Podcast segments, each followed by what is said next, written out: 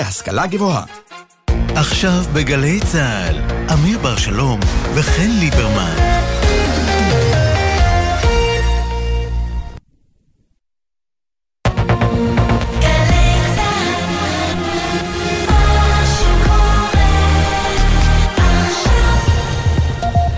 שלום לכם, עכשיו אה, חמש בערב בגלי צה"ל. פסילת אה, אריה דרעי, היא ממשיכה להסיר את המערכת הפוליטית, מי יותר ומי עוד יותר. חבר הכנסת אה, ישראל אייכלר מיהדות התורה משווה כאן הבוקר בריאיון לעופר חדד את בג"ץ לדיקטטור, ויש לו גם שם להשוואה הזו. יש פה כיבוש איטי שלקח 20-30 שנה, היום יש שלטון מוחלט של דיקטטורה כמו אצל פוטין. הפוטינים חושבים באמת שהם הצודקים בעולם שותק. הליכוד נבחר על ידי העם והמיעוט האליטיסטי שולט מבחינה מוסרית. אין לבג"ץ שום יכולת לדרוש שמישהו יציית לפסקיהם כשהם לא מצייתים לחוק.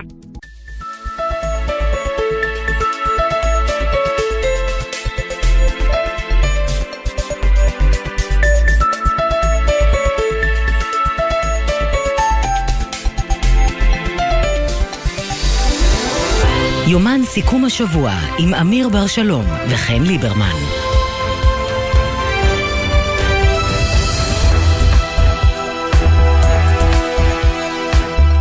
שלום חן, ברוכה הבאה. שלום אמיר. או ברוכה שבה. ברוכה שבה.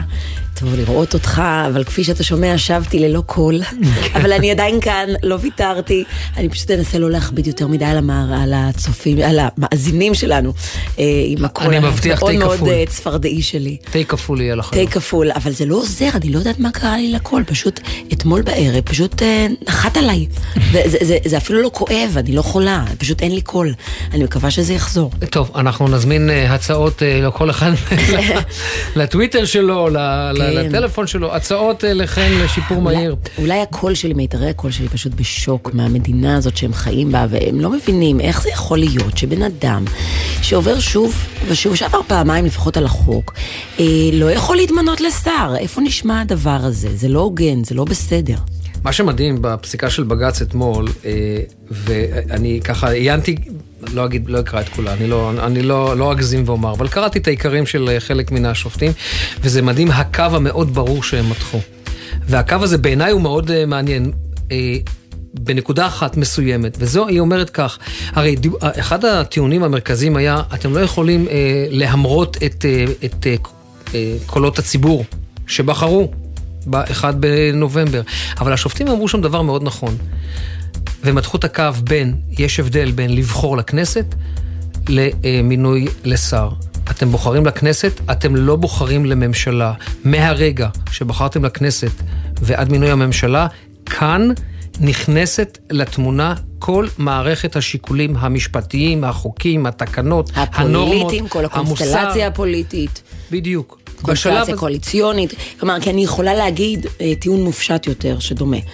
יותר מ-400 אלף איש בחרו ביאיר לפיד ורצו שיהיה ראש ממשלה. אבל הם הכניסו אותו לכנסת, בסופו של דבר הם לא הצליחו להכניס אותו לממשלה. זה לא הספיק, והם הרבה יותר מ-400 אלף הבוחרים של ש"ס. כלומר, מבחינה מספרית. נכון, אבל זה לא התנגש עם שום חוק. פה... לא, אני מתכוונת כן. שזה לא הסתדר בתוך הקונסטלציה הפוליטית. ולכן זה לא משנה ש-400 אלף איש הצביעו לש"ס, זה לא משנה כמה יותר, אה, כמה מאות אלפים הצביעו ליש עתיד, זה לא משנה, כי דברים בסוף צריכים להסתדר גם בקונסטלציה הפוליטית והמשפטית. אני ארחיק לניו זילנד בתשובה שלי עכשיו. אה, את יודעת, אה, ראשת הממשלה בניו זילנד פרשה, אמרה במונחים ישראלים היסטוריים, איני יכולה עוד.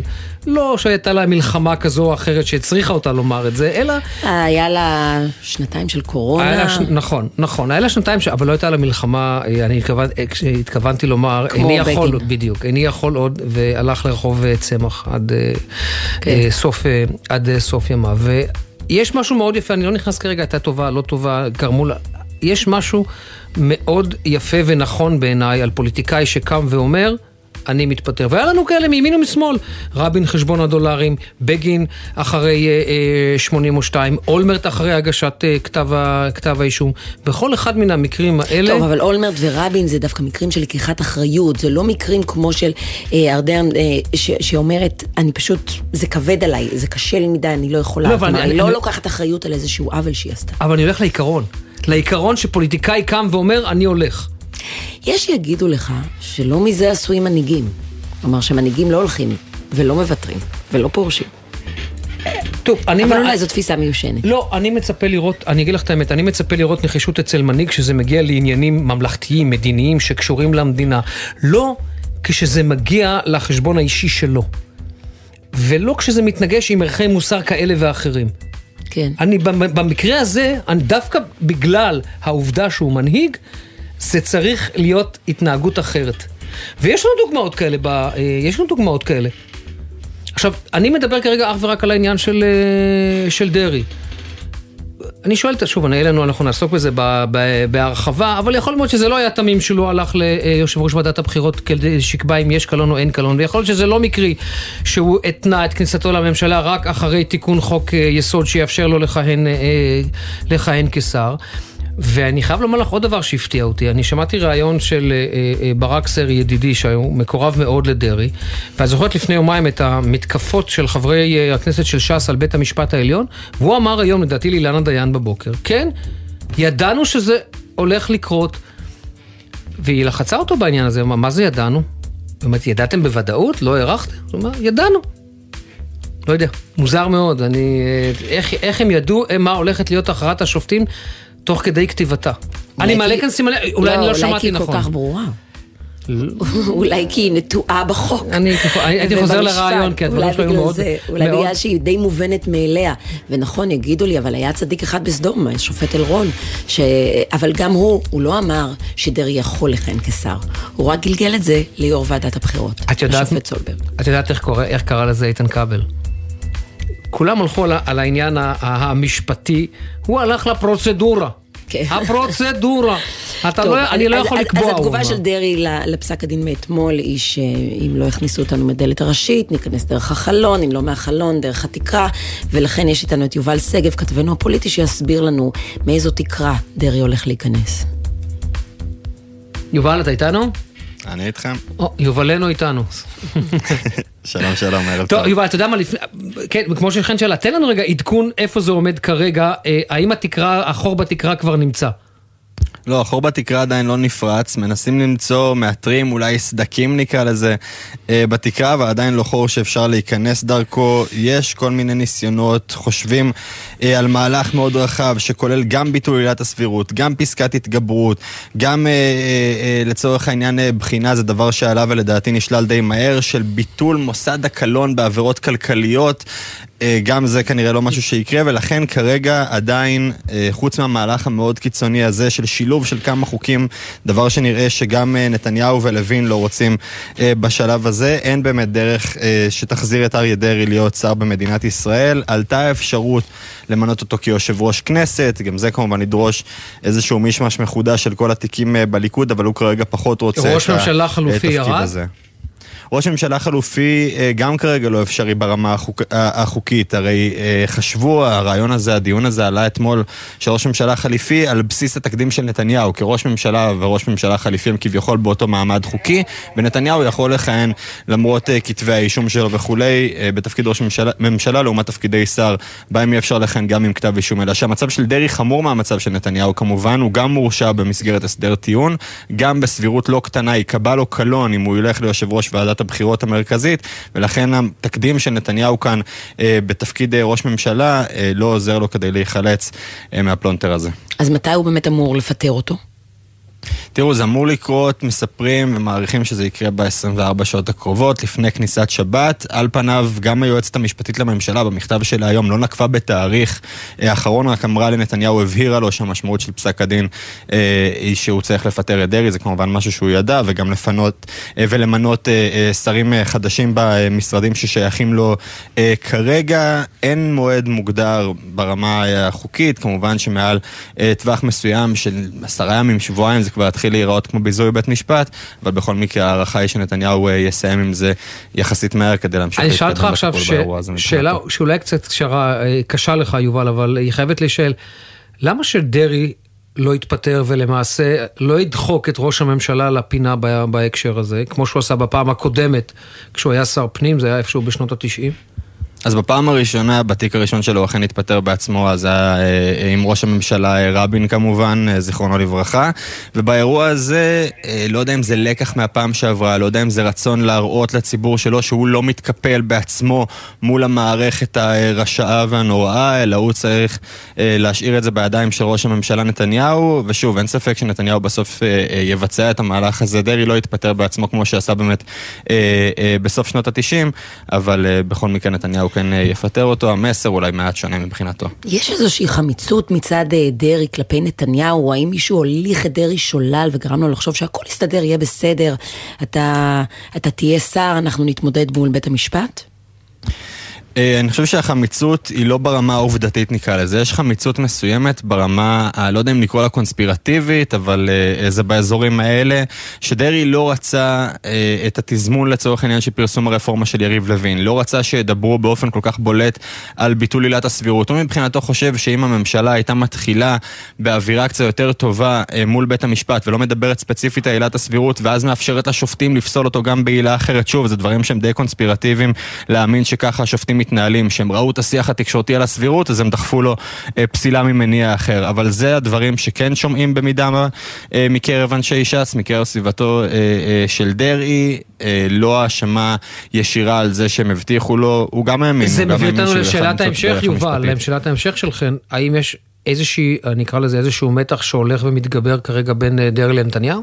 כי ראש ממשלה לא קם ועוזב את משרדו עם ענייניו הכל כך דחופים ומגיע לביתו של מישהו, אלא אם הוא מבין שיש כאן פוטנציאל למשבר הרבה יותר גדול מאשר משבר חוקתי או חוקי כזה או אחר.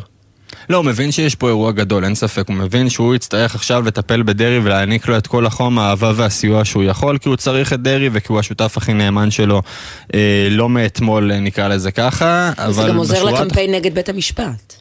נכון, וזה עוזר באופן כללי כמובן לצידוק של הצד אה, אה, שלו, של אה, גוש נתניהו, כדי להמשיך לעשות את הרפורמה הזאת, זה כמובן לא מזיק להם. גם ש"ס, אני חושב, באופן כללי יוצאת מחוזקת מהמהלך כן. הזה, היא תמיד צריכה את ה... נקרא לזה הקורבן התורן, שעל בסיסו אפשר להמשיך לשמר את חלק מהנרטיב של המפלגה הזאת, מעבר כמובן כן. לשימור התרבות הספרדית וכולי. גם זה מסייע להם לעוד כמה שנים קדימה, האירוע הזה של דרעי כסמל. אבל בשורה התחתונה אני חושב שנתניהו, עם כל העזרה וכל העובדה שהוא מנסה עכשיו להתגייס ולהידבק לדרעי ולהראות יחסים טובים, הוא בסוף mm-hmm. יודע שאין תרחיש שבו ש"ס תוותר על ממשלת חלומות שכזו גם מבחינתה. אוקיי, תודה רבה, יובל. תודה. ותודה גם למי שממליץ על תרופות הומאופתיות לקול שלי. קיבלת? אה, כן. Uh, מיום ראשון uh, תהיה ירידה במחירי הדלק. עינב קרנר, כתבתנו לענייני צרכנות. תסבירי. כן, אה, שלום אה, אמיר ושלום אה, חן, אז זה סופית, הדלק יוזל ב-10 אגורות לליטר בנזין 95 אוקטן, זה קורה ביום ראשון הקרוב, שר האוצר סמוטריץ' חתם על הצו שבעצם יוביל, יוביל להפחתת המחיר הזה, זה בעצם הפחתת מס הבלו, אותו מרכיב משמעותי במחיר הדלק, וזה קורה במסגרת התוכנית שהציגו ראש הממשלה נתניהו ושר האוצר יחד לטיפול בהתייקרויות במשק, זה חלק אחד מה... אה, דברים שהועלו שם, וצריך לומר שאומנם יש פה איזושהי ירידה, אבל צריך לזכור שזה לא השפעה משמעותית אה, על מחיר אה, הדלק ובטח לא על כיסם של הצרכנים, אבל כן צריך לומר שהפעם זה יהיה לאורך כל השנה ההפחתה הזו, בתקווה שגם מחירי הנפט בעולם לא יזנקו פתאום, ואז המחיר יכול לטפס ולחצות אפילו את רף שבעה שקלים. ורק שנאמר שמיום ראשון המחיר יעמוד על 6 שקלים 84 אגורות במקום 6 שקלים 94 אגורות כיום. כלומר, הזלה של 10 אגורות. עינב קרנר, כתבתנו לענייני צרכנות, תודה רבה עינב. תודה רבה לך. אנחנו עכשיו להוד השרון, שלושה בתים מפונים מדייריהם, והסיבה היא, שימי לב, ככל הנראה, אה, עבודות אה, בקרקע שיצרו יצרו בולען או יצרו חור, ויש סכנה לקריסה של אה, שלושה רבי אה, קומות, ומיד אה, תצטרף אלינו ענבר פייבל, כתבתנו שנמצאת במקום הזה, ואני שואל את עצמי, מה קרה? מה, מה, מה, מה קרה? מה קרה? מה קורה? מה זה מכת הבולענים הזאת? זה, האם... מי שיכול לעקוב, קודם כל תמונת מצב ממה שקורה בהוד השרון, ענבר פייבל, אנחנו איתך עכשיו. ערב טוב, חן אה, ואמיר. הגישה בבניינים שפונו מדייריהם כאן אה, ברחוב הצרכנים בהוד השרון חסומה. יש פה התקהלות של עסקנים ועוברי אורח שהם מנסים אה, להבין מה קרה, להסתכל, לצד הדיירים כמובן שלא יכולים לחזור לבתים שלהם. לטענת יזם מחברת הבנייה, הקצת הוא לא מקריסה של הבניינים עצמם, אלא בעצם מנפילה של פיגומים שעלולים לפגוע בעוברים ברחוב. למרות זאת, הדיירים של הבניין שפונו מספרים שהם ממתינים פה כבר מ-12 בצהריים אה, ומחכים לפינוי לבית מלון. מירה ונחום הם אה, חלק מהדיירים שפונו, דיברנו איתם, בואו נשמע מה שיש להם להגיד.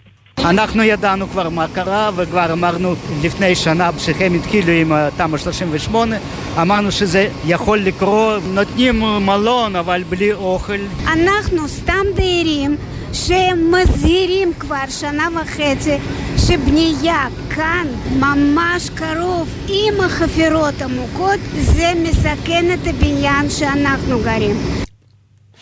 כן. אז התושבים אה, במקום, הם מספרים שמתריעים על הפסקת מעבודות כבר תקופה ארוכה והם לא קיבלו מענה מספק לטענות שלהם, גם אה, מספרים שהייתה תחלופה גבוהה של סגנים ומבחינתם לא כל כך היה עם מי לדבר. לטענת היזם פה לא מדובר בבולען אלא בתפחית של אדמה בחניון שנמצא בבנייה ואנחנו וגם הדיירים שכרגע נמצאים פה ברחוב מציעים לתשובה להבין מה בדיוק קרה ו... אנחנו נישאר עם אצבע הדופק בעניין הזה, אולי נדבר יותר מאוחר גם עם מישהו מהוד השרון, מישהו מעיריית הוד השרון, שיסביר לנו מה קורה. אני מזכיר, בשבת, בשבת האחרונה, בולען שבלע למעשה רכב, רכב נפל לתוכו, הנהג ברגע האחרון הצליח אה, להיחלץ. אני מאוד נשמח לדבר עם מישהו מרשויות הרישוי וההנדסה בהוד השרון, כדי שננסה להסביר לנו מה קורה שם. אה, אנחנו עכשיו לדיווחי התנועה. חן, תתחילי את, תתחילי או שאני אתחיל? רגע, נשים משקפיים. לא, לא, אני היום פטורה מדיווחי תנועה, אבל קודם כל חסות. בחסות תשע ביטוח, המציע ביטוח רכב דיגיטלי בלי להתמקח עם נציג, כי ההנחות כבר באתר. איי-די-איי חברה לביטוח, כפוף לתקנון. בחסות אוטודיפו, המציע מצברים לרכב עד השעה תשע בערב בסניפי הרשת, כולל התקנה חינם. כי אין סיבה לשרוף את שישי במוסך. אוטודיפו בכביש מספר 6, מנהרות יוקנעם נחסמו לתנועה בשני הכיוונים. במקום, שימו לב, עומס תנועה כבד, נא לנסוע בדרכים חלופיות. כביש מספר 77 עמוס מכיוון מחלף ישי עד מחלף תל קשיש, 40 בכיוון ההפוך, עומס מכיוון מחלף תל קשיש עד המוביל. 40 דקות. בכביש מספר 79 עומס כבד ממחלף ציפורי עד מחלף יפתח אל, כביש מספר 6 לצפון עמוס ממחלף נחשונים עד ניצני עוז, כביש 444 עמוס מאייל עד uh, צור יצחק, וכביש החוף לצפון עמוס ממחלף חוף, ש... חוף השרון עד uh, פולג, בהמשך עמוס ממחלף אולגה, דרום ועד uh, קיסריה, הכבישים עמוסים מאוד. נחזור רק על עוד עדכון אחד שקראנו בהתחלה לכל מי ששומע אותנו, כביש מספר 6 ממנהרות יוקנעם, נחסם לתנועה בשני הכיוונים, עומס תנועה כבד במקום, אנא סעו בדרכים חלופיות. דיווחי התנועה בחסות הפניקס סמארט, המעניקה עד 45% הנחה בביטוח המקיף. כוכבית 5432, או חפשו הפניקס סמארט בגוגל. כפוף לתקנון המבצע, הפניקס חברה לביטוח בע"מ.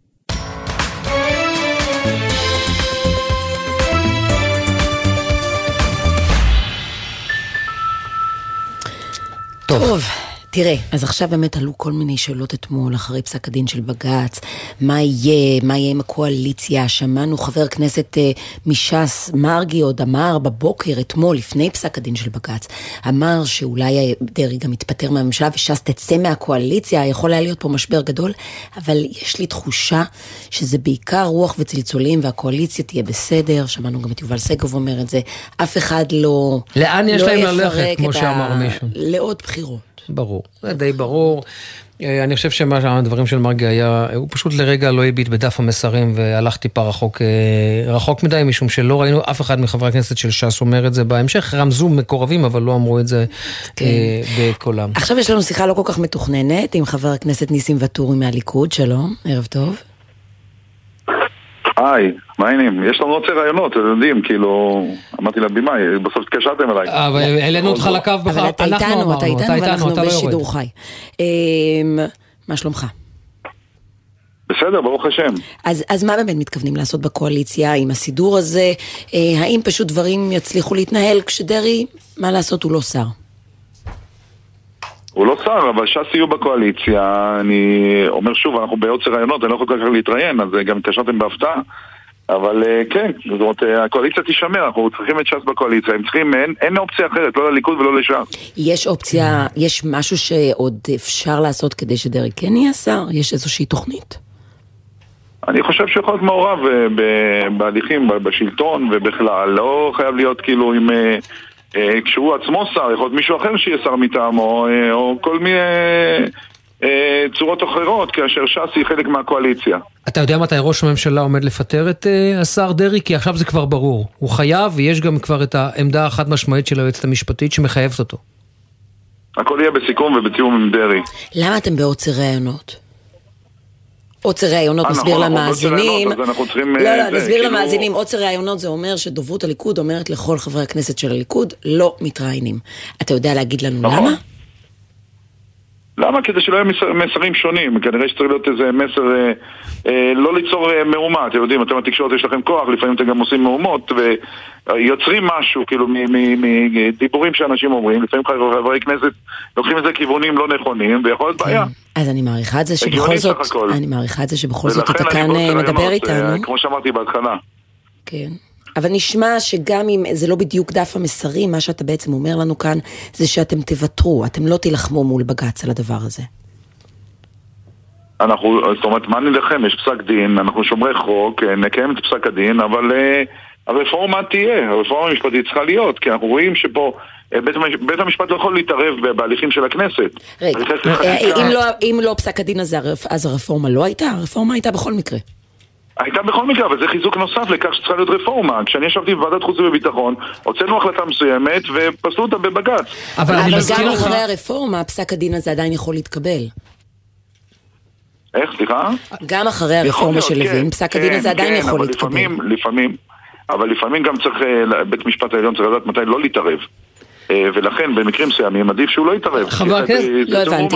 לא הבנתי, מתי הוא אמור לא להתערב? לא להתערב בחגיגה של הכנסת, פסילת חוקים ועוד מספר תהליכים, שופטים לא יכולים לשבץ את אבל מינוי אבל דרעי לא- לשר לא- זה לא חקיקה של הכנסת. אה, רק רגע, אבל לא הייתה כאן פסילת חוק. הם לא פסלו את התיקון לחוק היסוד לא של דרעי. לא, לא, לא, הם לא לא פסלו. ספציפי, אני מדבר בכלל, אני מדבר בכלל, בכללי, כי אמרתם לא מקרה ספציפי, ואני לא יכול לדבר, בחייאת, אה, אה, אני אקבל כרטיס אדום אוקיי, בסוף. רגע, רגע, עוד שאלה אחת. אתה, יודע, אתם מדברים כל הזמן, וחלק מהרפורמה שאתם מדברים עליה היא שינוי שיטת בחירת השופטים, כדי לבחור שופטים שבוא נגיד קרובים יותר אה, לדעתם של הממנים, אני לא אגיד, תלוי מי הממנים יהיו באותה עת, אבל הנה, תראו מה קרה עכשיו, שלושה שופטים שנחשבים שמרנים, שניים מהם פוסקים בצורה חד-חד ערכית, שדרעי לא יכול לכהן אה, כשר. הש, השופט השלישי רמז על כך ואמר, אוקיי, בוא תלך קודם, תלך קודם לוועדת הבחירות, ואחר כך נדבר האם אתה יכול או לא יכול. וזה להגיד לא במילים אחרות. אה, שיוצאי... לא דיברנו על שופטים שהם חברי מרכז ליכוד. אנחנו מדברים על זה שהבחירה ב-OECD, בעולם הנאור, הבחירה היא על ידי נבחרי הציבור. 32 מתוך 36 מדינות, מי שבוחר את השופטים, אלה נבחרי הציבור. רגע, אבל אתה מסכים איתי שהטיעון שלכם למעשה נשחק לחלוטין בקביעה הזאת מצד כל שופטי בג"ץ על כך שאי לא אפשר, נשחק, לה- לא רק רגע, אי אפשר להגיד, רק תן לי רק להשלים את השאלה, חבר הכנסת ואטורי, אי אפשר כבר להגיד, אמרו לי להיות ממלכתי, תקשיב, אני אוקיי, יכול להקשיב אי לסיעה, אפשר אי אפשר להגיד. אני שונא את המושג הזה העם, כי העם זה רק עם ישראל, אי אפשר להגיד הציבור הישראלי בחר, זה נכון רק לחברי כנסת, זה לא נכון למינוי שרים ולהרכבת ממשלה, כלומר הטיעון הזה נשמט.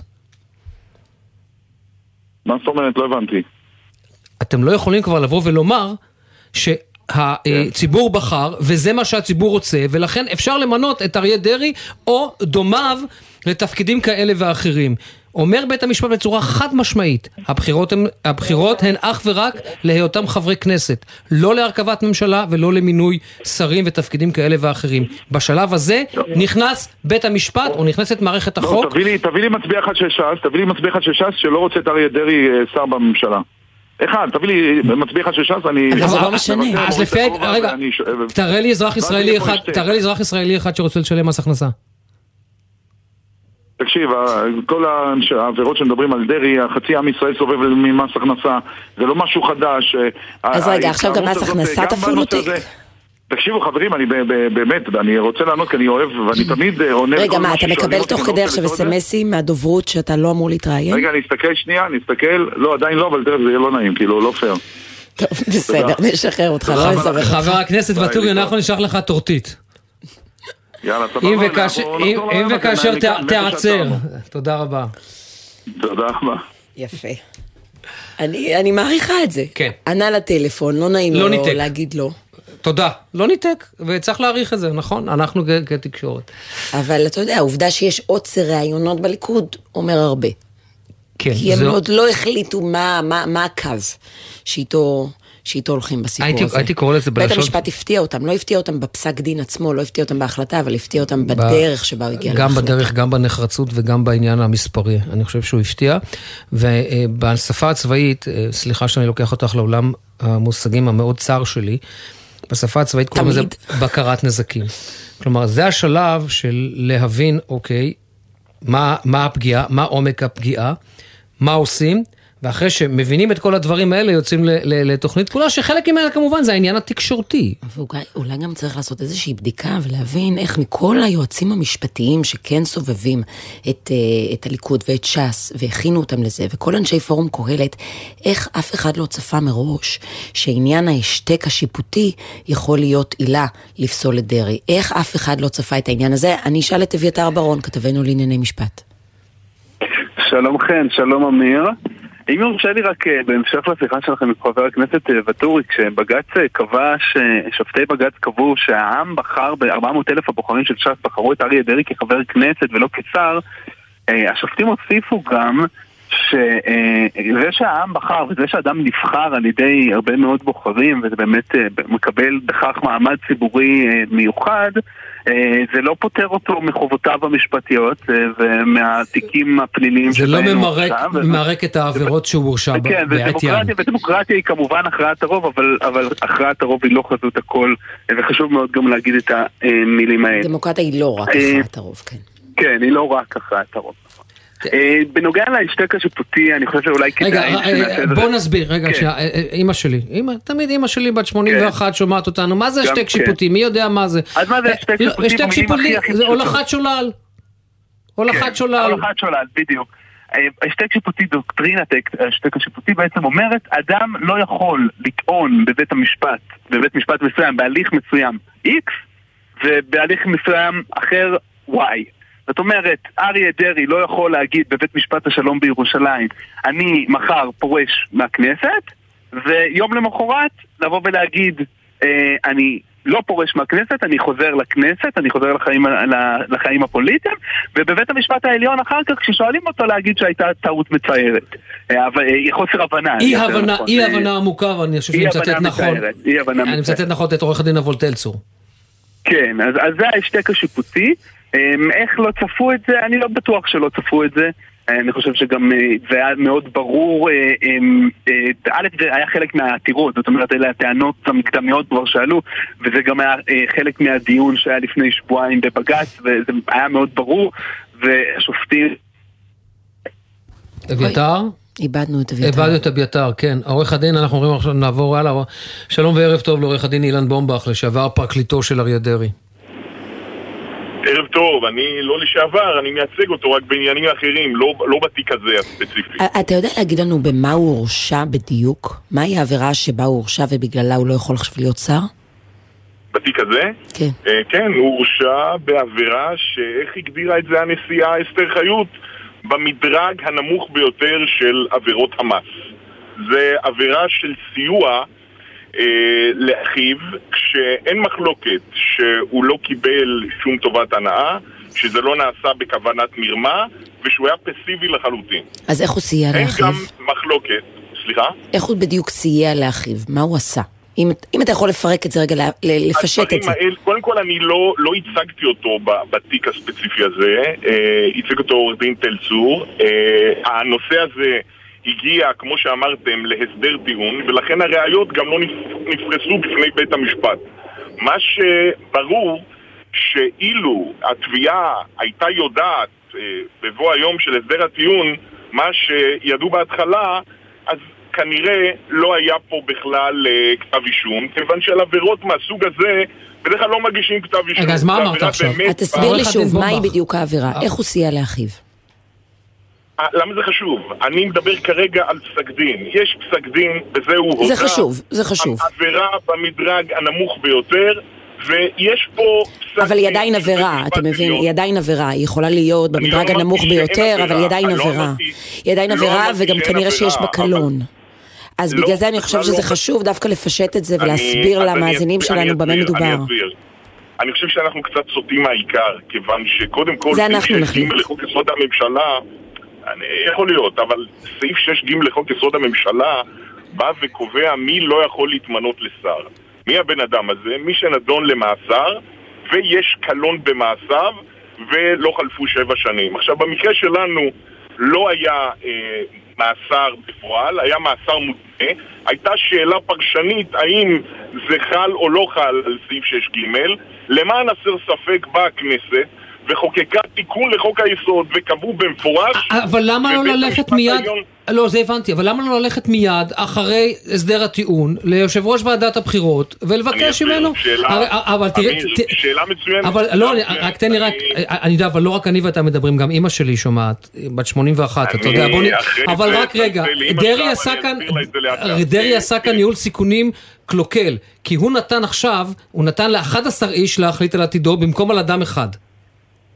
אה, יכול להיות, יכול להיות שבדיעבד הוא היה נוהג אחרת, אבל אני חושב שההחלטה היא מאוד בעייתית, אה, פסק הדין הזה מאוד בעייתי בכמה רמות. קודם כל, אה, בית המשפט העליון בא ואומר שחוק היסוד הזה תקף. התיקון שנעשה הוא פרסונלי, יש איתו כל מיני אי נוחות אה, מסוימות אה, באופן שבו הוא נחקק, הכל בסדר. אבל חוק היסוד הזה קם ועומד על מכונו. זאת אומרת, מה זה אומר שהוא עומד על מכונו? זה אומר שהתיקון הזה, שלא צריך לפנות לראש ועדת הבחירות, זה ברור, כיוון שזה חל גם על מאסר על תנאי. זה המשמעות שחוק היסוד הזה, התיקון הזה תקף.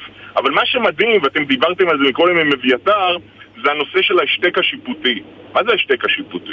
אנחנו רואים שבית המשפט העליון עושה אקרובטיקה מאוד מרשימה, כמה שפחות להיכנס למילים הלא יפות האלה חוסר סבירות קיצוני. הוא ממש מייסד פה אה, את העילה הזאת של השתק שיפוטי. אתם ואני לא זוכרים, ואני אומר לכם שאתם גם לא רואים שום מקרה שבית המשפט העליון נזקק לדוקטרינה הזאת כשהוא בא ופסל מינוי. אין דבר כזה. ודאי לא במקרה כזה, ודאי לא בנסיבות כאלה. לא מעט מה היה משפטנים אומרים שאפשר להשתמש בזה ומשתמשים בזה הרבה. אין בעיה, אפשר להשתמש בזה, אבל צריך שהנסיבות יהיו סופר חריגות. עכשיו, מה היה כאן? הייתה כאן עבירה שדיברנו עליה כרגע, שהיא במדרג הנמוך ביותר בעבירות המס. זה מוסק... מוסכמה שקבעה הנשיאה. עבירה סדרתית. אחד. דבר שני, סליחה? עבירה סדרתית. עבירה...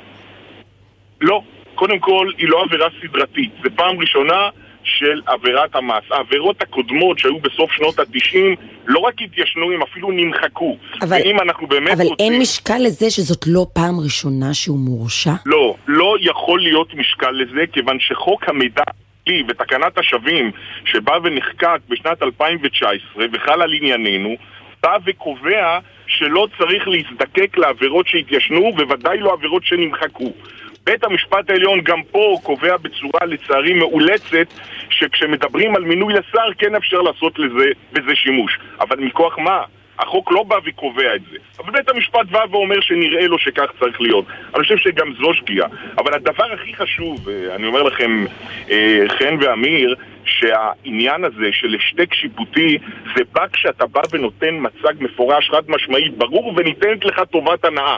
טובת הנאה מוחשית. כל זה לא קרה פה. מה, רק רגע, רגע, היה תן? רגע, תן לי רק, תן לי לתקוף את- את מה שאתה אומר, מה זאת אומרת? בבקשה, הוא אמר, בבקשה. הוא אמר אני פורש מהחיים הפוליטיים, מבחינת בית המשפט זה לא, היה פורש... הוא לא אמר, אז, אז כדאי נורא נורא לדייק פה, כי אתם מדברים לא, על זה הרבה. אני אתן לך לא לדייק, אמר- אבל רק רגע, תן את החלק השני, ובחלק השני טובת הנאה. טובת הנאה הייתה עונש מופחת. הבנתי. אז זה לחלוטין לא ככה. אוקיי. בוא, בוא עכשיו נעשה סדר סוף סוף פעם אחת ולתמיד בטעויות האלה שכל הזמן אומרים. אה, קודם כל, לעניין המצג. הפרקליטות בהגינותה באה ומודה שלא הטעו אותה. שהפרקליטות יודעת שזה לא חלק מההסדר. מה לא חלק מההסדר? פרישה מהחיים הפוליטיים. לחלוטין לא. מה כן? פרישה מהכנסת הזו. עכשיו, אף אחד לא ידע שהכנסת הזאת הולכת להתפזר בקרוב. מה הבינו? שזה יכול להיות שנה, שנתיים, שלוש. בסדר גמור. ידעו שזה יכול להיות גם לזמן ארוך. על זה אמר דרעי, אני פורש מהכנסת. הא ותו לא. הוא לא אמר בשום מקרה שהוא פורש מהחיים הפוליטיים. אנחנו יודעים שכשהפרקליטות רוצה, היא מכניסה סעיפים כאלה להסדר, וזה לא היה המקרה. ולמה דרעי ביקש שלא יקבעו קלון? למה לא הלך לראש ועדת הבחירות? כי הוא ידע שהוא רוצה לבוא ולהתמודד עוד פעם. ולכולם היה ברור, והפרקליטות אמרה את זה, שהם ידעו שהוא הולך להתמודד, ולכן מבחינתם הם אמרו שאין השתק שיפוטי. אז עורך הדין בומבך, שאל- שאלה, אתה יודע מה, שאלה יותר ערכית. האם לדעתך, לא, לא, עורך הדין בומבך. עורך הדין בומבך, לא דיברת הרבה, אני רוצה לשאול שאלה. עורך הדין כן, לא בומבך, הייתה פה טובת הנאה. כן. עורך הדין בומבך, האם לדעתך טוהר המידות של אנשי ציבור צריך להיות מחמיר יותר משל שאר הציבור? אני חושב שטוהר מידות של אנשי ציבור בהחלט צריך להיות מחמיר, וזו נקודה חשובה. עם זאת, אני חושב שצריך לתת משקל אדיר לאמון הציבור. מה זה אמון הציבור? זה אומר שאם הציבור בא ובחר בהמודיו ונתן 11 מנדטים כלומר, למפלגתו של אריה אתה לא- דרעי, אז כלומר, אם אתה לא כבר מדבר איתי על אמון. הציבור, אם אתה כבר מדבר איתי על אמון הציבור, אז לפי סקרים, רוב הציבור, הרי הציבור הוא לא רק מצביעי ש"ס, נכון? הציבור הוא כל הציבור. ולפי הסקרים, רוב הציבור כן. לא תומך בכך שדרעי יהיה שר. אז אנחנו אה, צריכים לפעול לפי סקרים? לא, לא, אתה זה שהולך. לכיוון הזה, ובגלל זה אני אומרת שאם כבר הולכים לכיוון הזה, אז זה לא תופס. אני זורם איתך. זה לא תופס. גם רוב הציבור חושב שהוא לא צריך להיות חבר כנסת. בוא לא ניתן לו גם להיות חבר כנסת. לא, לא, לא, לא. לא, מה שאני אומרת זה ש... מה שאני אומרת לבין ממשלה? זה לא קשור לאמון הציבור, כשאתה לוקח את זה ל-400 אלף מצביעי ש"ס, הם בחרו אותו להיות חבר כנסת, ואף אחד לא חולק על כך, ובית משפט לא מדבר על כך. אבל הם לא בחרו אותו להיות שר. כי כדי להיות שר אתה צריך להתאים בקונסטלציות נוספות, שהן לא רק מה שאנשים שמו בקלפי ביום הבחירות. אבל השאלה, אם הוא בא ונתן מצג מסוים לבית המשפט, ומסתבר שהמצג הזה לא היה מצג שווא, הוא לא היה מצג שקרי. נכון שהשופט שישב בדין, השופט הרבס, הבין את זה בצורה מסוימת. אז אומרים, למה לא מנעת ממנו? למה, מה, מה מצפים? שהוא יסתער על מפתנו, על, על הדסק, על, על השולחן של השופט, ויקפוץ עליו ויגיד, שמע, לא הבנת אותי נכון? הרי כל מי שהיה ב, ב, באולם מבין את זה. הפרקליטות הבינה את זה. עכשיו, הנקודה הכי מעניינת לדעתי, שאתמול בשעה ארבע אחרי הצהריים קרתה מהפכה מאוד גדולה בבית המשפט העליון. התקבל פסק דין שהוא נגד עמדתו של השופט ברק. יש פסק דין שבית המשפט העליון מצטט אותו, השופטים אה, דפנה ברק ארז והשופט שטיין, שזה נקרא פסק דין קונטרם. אני לא רוצה להלאות את, ה, את הצופים, ואני חושב... כן, אנחנו חייבים לסיים. אמיר. אז, אבל הנקודה היא שבאים ושואלים, ואהרון ברק אמר, אני לא רוצה שתהיה חובת הגינות של הפרט כלפי השלטון. אני רוצה שתהיה חובת הגינות של השלטון כלפי הפרט. מה קורה אם ג- ה- ג- יש גם- גם דרעי הוא? בשלטון, גם דרעי הוא בשלטון, אבל בסדר, אבל אנחנו חייבים לסיים. עורך הדין אילן בומבך, תודה רבה תודה לך. אילן. תודה, ערב טוב. כמה הודעות כבר חוזרים. דיווחי התנועה בחסות הפניקס סמארט, המעניקה עד 45% הנחה בביטוח המקיף. כוכבית 5432, או חפשו הפניקס סמארט בגוגל. כפוף לתקנון המבצע, הפניקס חברה לביטוח בע"מ.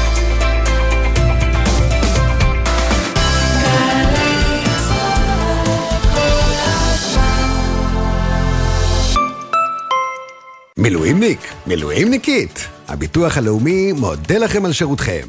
חשוב שתדעו, אם שירתם במילואים בשנה שעברה ושכרכם עלה, ייתכן שאתם זכאים לתוספת לתגמול המילואים בהתאם לשכרכם מחדש. שימו לב, הביטוח הלאומי משלם את התוספת מ-1 בינואר 2022. לבדיקת זכאות ולהגשת בקשה, היכנסו לאתר. ביטוח לאומי לצדך, ברגעים החשובים של החיים. סובבו רגע את כדור הארץ. עצרו. על מה עצרתם? וייטנאם, ברזיל, קניה, הודו, צ'ילה?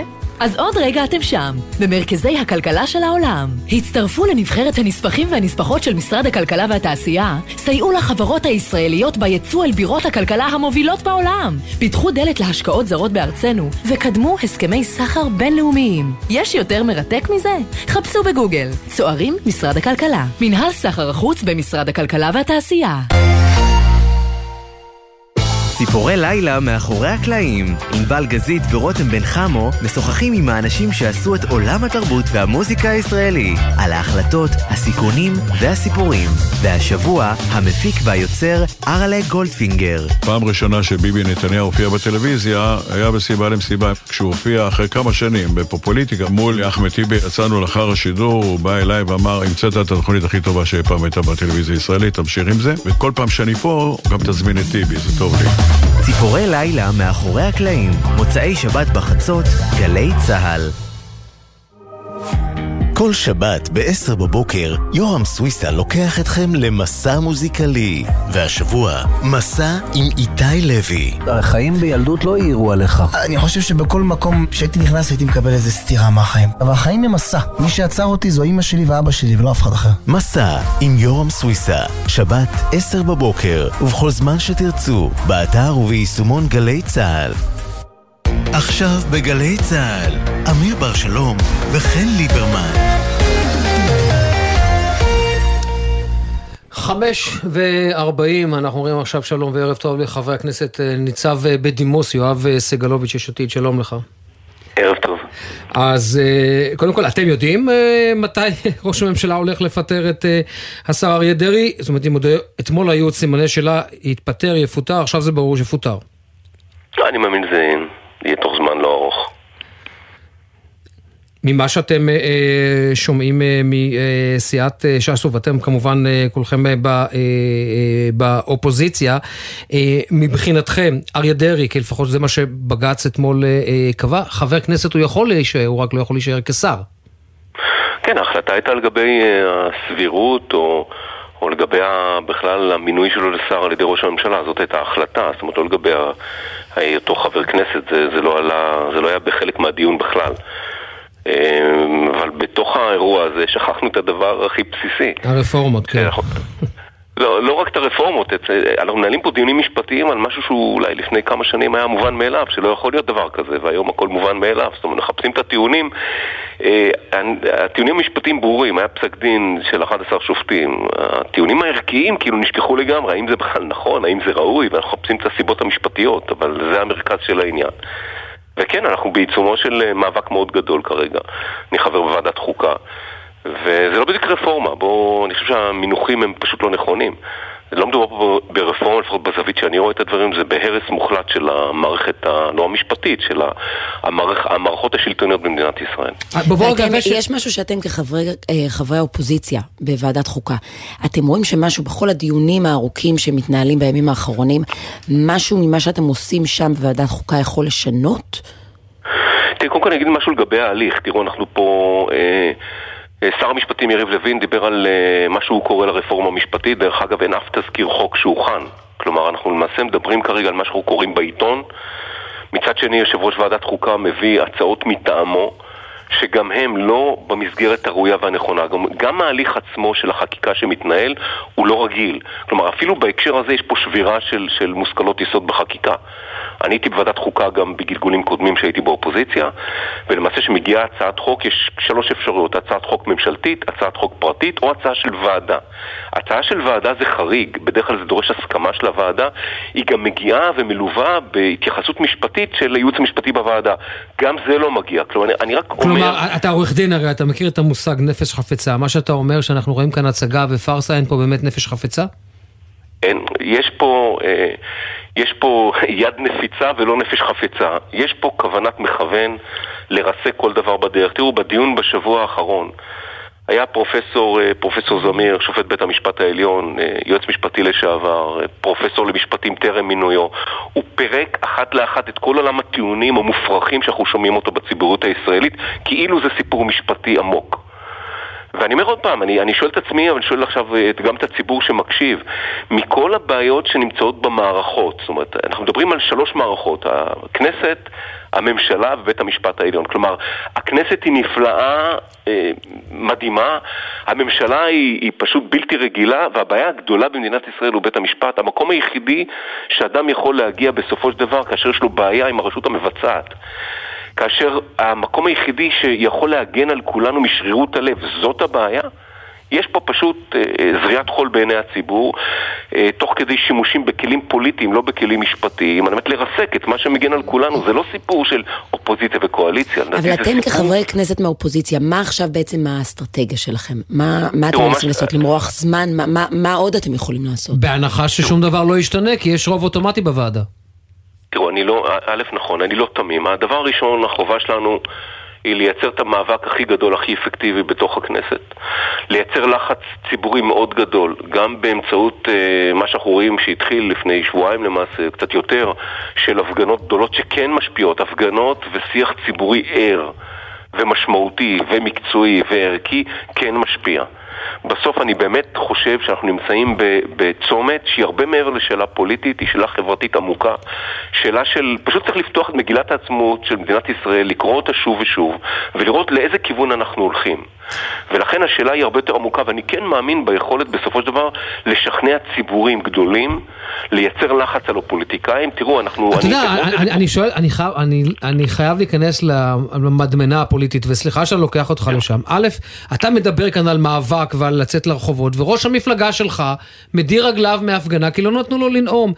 ואתה יודע מה, אל אל תגיב על זה, אבל אני רק אשאל אותך שאלה עכשיו אה, אה, אינפורמטיבית. האם ראש, הממש... אה, אה, ראש המפלגה שלך, יאיר לפיד, שוחח על כך עם נשיא המדינה שמנסה כרגע לפשר בין הצדדים, או שהכל מסתכם בהצהרות כאלה ואחרות לתקשורת?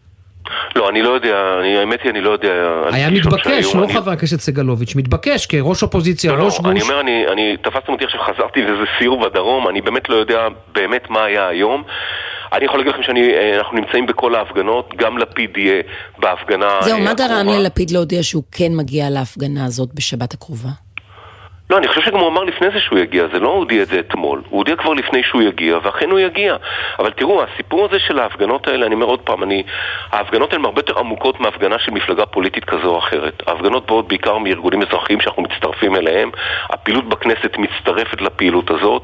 מה שאני עכשיו מדבר איתכם זה חלק מהעניין הזה, אבל אני רוצה לתת את הדוגמה אולי מתחום אחר. אה, ואני אומר דווקא, אמיר, אה, אליך אמיר, בק- בקטעים הצבאיים יותר. תראו, מדברים פה על בית המשפט העליון כאילו זה... אנחנו כאילו על הסיפור של דרעי. סליחה שאני אומר את זה ככה, דרעי לא מעניין. בית המשפט העליון בהקשרים האלה והחשיבות שלו לדוגמה, בכל מה שקשור ל- ל- להגנה שאנחנו נותנים לגבי פעילות צבאית לדוגמה, בכל המלחמות שבהן אנחנו נמצאים, והם לא ייגמרו מחר. בית המשפט העליון הוא זה שמאפשר, הידיעה הבינלאומית, הברורה, שבית המשפט העליון הוא, או, או, או המערכת המשפטית במדינת ישראל היא כזו שיכולה אה, לעשות את הבדיקות העצמיות ויש לה גם יוקרה בינלאומית, מאפשרת לכולנו לא להיתבע בבתי דין בינלאומיים. את זה צריך להבין. כן. עכשיו, בלי הדבר הזה, זה חלק מביטחון הלאומי של מדינת ישראל, ואני אומר את זה כך, בית המשפט העליון הוא נדבך מרכזי בב- בביטחון הלאומי של מדינת ישראל. כך צריך להסביר את זה, כך צריך לראות את זה, וההתנהלות כרגע, שאנחנו רואים את הקולות שקורות לבית המשפט העליון, כאילו הוא הבעיה. כלומר, הבעיה של מדינת ישראל הוא בית המשפט העליון, זה אחד המוסדות היותר מפוארים בהם, בלי כל קשר אם יש ביקורת ספציפית כזו או אחרת. ולכן חייבים לדבר על בית המשפט העליון במונחים האלה. זה חלק מביטחון לאומי לא פחות מזה. ואני מתפלא, אני האמת היא שאני באמת מתפלא על אנשים מנוסים בזירה הבינלאומית, כולל ראש הממשלה שלנו, מעבר לתיקים שיש לו, האם באמת אפשר לזרוק את כל הדברים הצידה בגלל אינטרסים אישיים? כולנו צריכים עכשיו לדאוג לסידור העבודה של שר כזה או אחר, התשובה היא כן. בפלילים. התשובה היא כן, זה- זה- אם זה מה התשובה היא שקורה. כן, אל מול התשובה היא כן, אנחנו צריכים לתת חזית עמוקה לדעת שאנחנו נאבקים על המדינה הזאת, גם על דמותה, גם על צביונה וגם על ביטחונה. ולכן אני אומר, כן. בית המשפט העליון הוא חלק ממרכיבי הביטחון וכך צריך לראות את זה. חבר הכנסת אה, יואב סגלוביץ', יש עתיד, תודה רבה לך. ערב טוב. תודה רבה וערב טוב. טוב, חן, אה, אה, מצטרף אלינו עכשיו אה, מבריסל, שגריר ישראל לאיחוד האירופי, חיים רגב, שלום. ערב טוב, אדוני השגריר. שלום, ערב טוב אמיר, ערב טוב חן. אז אה. נאמר רק, אתה אה, מדבר איתנו ממש ערב ההכרזה או ההצבעה של האיחוד האירופי על הכרזה על אה, משמרות המהפכה האיראנים כארגון טרור. אפשר לומר, מגיע כאן, אנחנו מגיעים כאן על סיפה של החלטה שישראל עובדת עליה, כך נאמר במרכאות, הרבה מאוד שנים. כן, אני, אני, לפני שאני אדבר על הקריאה להכללה, אנחנו עדיין לא שם, אנחנו מתקדמים אה, לכיוון הזה. אה, יש עלייה מדרגה מאוד מאוד משמעותית בעיסוק באיראן. לשמחתנו, אני יכול להגיד. אה, בעיקר עקב תמיכתם ברוסיה, זו המדינה כמעט היחידה שמספקת אמל"ח נראה לרוסיה, וכל הסיפור של אה, מהומות החיג'אב, זכויות אדם, הוצאות להורג. וכולי. וכמו שאמרת נכון, מדינת ישראל, משרד החוץ עובד על זה בשנים החדש... האחרונות לא מעט, וגם שר החוץ הנכנס, אלי כהן, שם את זה בעדיפות עליונה, ו... ואנחנו שמחים שאנחנו מתחילים לראות תוצאות. אה, ומה שקרה אתמול, דרך אגב גם היום, היום עברה עוד החלטה בנושא, שלמעשה הפרלמנט האירופי קורא להכליל את משמרות המהפכה כארגון ברשימת הטרור של האיחוד האירופי. זו רשימה מכובדת של מיטב ידידינו, החמאס, אל-קאעידה, הזרוע הצבאית של חיזבאללה. אה, אבל משמע, מה המשמעות, מאוד... בדיוק, מה המשמעות של זה? זה מקביל לצורך העניין תנועה של אישים איראנים? זה מקביל תנועת כספים? זה מקביל זה, פעילות כל, כלכלית? כן, כן, כל מה שאמרת, אבל עדיין זה רק אה, אה, הצהרה. זה המלצה, זה עדיין לא החלטה, החלטה תצטרך אה, להילקח על ידי המדינות החברות אה, באירופה, על ידי האיחוד האירופי, אנחנו עוד לא שם, אבל זה צעד משמעותי שלמעשה מכשיר את הקרקע למהלך כזה. המשמעות של הדבר הזה, ש, שכל משמרות המהפכה, שהוא ארגון מאוד משמעותי וחשוב וגדול אה, באיראן, אה, יהיה מוגבל לחלוטין בכמעט כל דבר אפשרי. אה, חשבונות בנק, טיסות, אה, פעילות כלכלית, פעילות, איזה פעילות ש... שלא תהיה. זאת תהיה מכה מאוד קשה. הש... זה ייקח עוד קצת זמן, אבל אני מקווה שזה יקרה מהר. השגריר רגב, אני חייב לשאול אותך על השלכות עומק של זה, או נקרא לזה גלי הדף של חיובים מבחינת ישראל בהקשר הזה. האם תהיה לזה גם השפעה על העמדה של מה שאנחנו קוראים E3, הנציגות האירופאיות במגעים מול איראן בעניין הסכם הגרעין? האם זה גם יקצין את העמדות שלהם? כי ראינו עד עכשיו E3 לא היו כל כך נחרצות, למעט אולי שינוי קטן בחודשים האחרונים, כשהבינו שאיראן כאן משחקת משחק שהוא משחק כפול ומסוכן. תראה, זה עוד איזה מסמר אה, אולי בארון הקבורה של, ה, של ההסכם הזה, שעדיין לא נגבר סופית. אה, ברגע שיש החלטה של פרלמנט שמייצג את כל הזרמים ב, ב, ברוב מוחלט באירופה ושל רוב המדינות, קשה אחרי זה לבוא ולהצדיק איזשהו הסכם כזה או אחר. מה גם שאיראן עצמה בחרה, היה לה הזדמנות אה, לחתום על ההסכם הזה לפני כמה חודשים, ואז היא בחרה דווקא בצד השני, אה, והחליטה ללכת אה, לסייע, לסייעה לרוסיה ו- ו- וכל הסיפור הזה של זכויות אדם. לכן היום אה, אין תיאבון גדול בקרב הציבור, הקהל וגם המדינות אה, להתקדם עם ההסכם הזה. יש, יש כאלה אולי שרוצים, אבל, אבל זה עוד יותר מרחיק את האפשרות הזאת. הבנתי, אני רק אתקן, לא אתקן, אני אדייק אה, מושג אחד שאמרתי E3, הכוונה לנציגות האירופאיות בפורום שדן מול איראן, והם בריטניה, צרפת וגרמניה, ונאמר רק, בריטניה לא שייכת לאיחוד האירופי, ולכן היא גם לא חלק מההצבעה הזו. נכון, נכון. אבל שוב, עדיין, טוב, בריטניה תמיד, תמיד היה לה אה, גישה יותר אה, ניצית כלפי הנושא הזה, אבל בכל מקרה, יש פה אמירה מאוד משמעותית. אמירה מאוד משמעותית, הפרלמנט האירופי מורכב מ... מערב רב, ממגוון רחב אתה רואה של, קולות, של אתה רואה קולות נגד? זאת אומרת, אתה רואה קולות שבתוך לא. הפרלמנט האירופי שיוצאים מה? נגד הכוונה הזו להכריז על משמרות מה? המהפכה ארגון טרור? תראה, ממש לא, כי, כי בסוף... יש פה חיבור גם של התמיכה שלהם ברוסיה, כמו שאמרתי, וגם הנושא של זכויות אדם. שזה נוגע גם בניצים וגם בשמאל, לכולם. אין, אני, הצביעו איזה תשעה נגד מתוך 700 או 500, אני לא יודע אפילו מי האנשים האלה, אבל בכל מקרה, אני לא רואה כמעט אף אחד היום שקם ועומד ו- ומגן באיזושהי צורה על איראן, כי אין אפשרות כזאת, אין שום דרך להצדיק את הסיפור הזה. של, של איך שהם מתנהלים ואיך מתנהגים. ממש... אני אומר שוב, לשמחת... כן, לשמחתנו כן, כן, ולשמחתי, היום יש פתיחות מאוד גדולה. אנחנו שנים כבר מדברים על הסיפור של איראן כאיום, והיום יש פתיחות מאוד גדולה לקחת את הצעדים האלה קדימה, וגם ה, אירופה והעולם מתחיל לראות באיראן את מה שאנחנו רואים. רואים בה. רק אה, שאלה ממש אחרונה, אה, סליחה שאני לוקח אותך לפרוצדורה, מבחינת לוחות זמנים, איפה זה עומד עכשיו? מתי זה יגיע להצבעה? הייתה הצבעה, שוב, זה הצהרה, זה, זה קריאת כיוון. עכשיו האיחוד האירופי, וצריכות גם קודם כל מדינות באיחוד האירופי להכריז, עדיין אין מדינות שהכריזו, ואז הם צריכים להביא את זה ל, ל, אה, לבריסל. זה תהליך שייקח זמן, אבל בינתיים בבריסל לא מחכים שהתהליך הזה יסיים, אלא ממשיכים להכריז על אישים בודדים, לא משמרות המהפכה כארגון, אלא כאישים. כמה עשרות הוכרזו, הכריזו סנקציות עליהם, כלומר אישים ספציפיים, והולכים להכריז ב, ב, בימים הקרובים על עוד קבוצה של אישים, כלומר בינתיים כן פועלים אינדיבידואלית, לא, לא כארגון. עד שהתהליך הזה אה, יושלם, ייקחו, אני, אני, קשה לי להעריך, ייקחו כמה חודשים, יש כאלה כן. גורמים מדינתיים שכן רוצים לש, לשמור ערוץ מול איראן, כי המשמעות של הכרזה כזאת היא למעשה... אה, לסגור את כן. היחסים עם איראן פלוס מינוס, כן. חיים רגב. חיים רגב, תודה רבה. תודה רבה. ומצטרף אלינו עכשיו אה, גיא בן סימון, העורך הראשי של אה, אתר אה, ספונסר, וגיא, אנחנו דיברנו איתך על משהו שדיברנו עליו בעבר, וההחלטה של סמוטריץ' שבימים האחרונים, אפילו אני חושב שזה היה הבוקר, נכון? שהוא הכריז, הוא יפריד את קל מבנק דיסקונט. נכון, בדיוק הבוקר סמוטריץ' קיבל את ההחלטה, בעצם הוא אימץ את ההמלצות של הוועדה המיוחדת שהמליצה להפריד את חברת כרטיסי האשראי מדיסקונט, וזאת בניגוד לעמדת המפקח על הבנקים.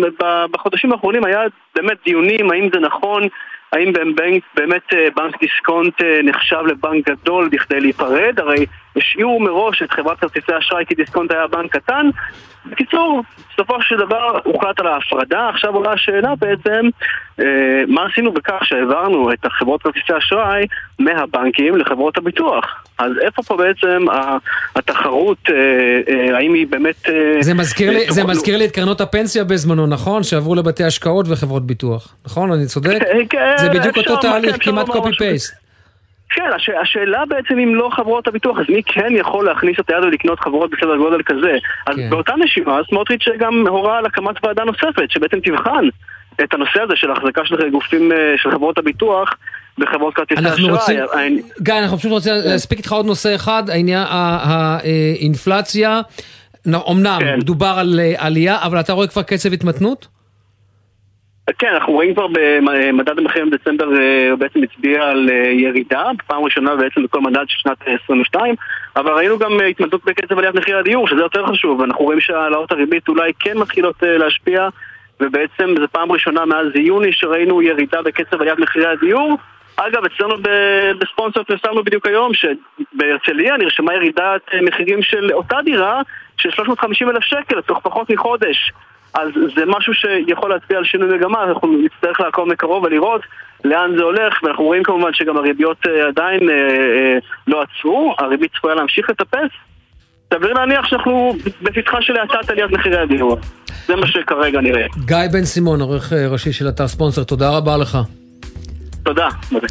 טוב, אנחנו יוצאים להפסקת של חדשות. את יוצאת להפסקת תה. ואתה, וה- והתה שאתה בדרך כלל מכין לי בזמן המבזק, הוא ממש ממש חיוני ב- ביום הזה, בעת הזו. ועכשיו, כן, אה, תחסכי, אז אני אדבר עכשיו, אני אספר אוקיי. למאזינים זה שלנו. מאוד קשה לי לא לדבר. אני יודע, אני... אני אספר למאזינים שלנו שאנחנו הולכים למסד היום פינה חדשה, מעניינת, הפתעה, נהיה כאן בצד השני של חדשות השעה שש.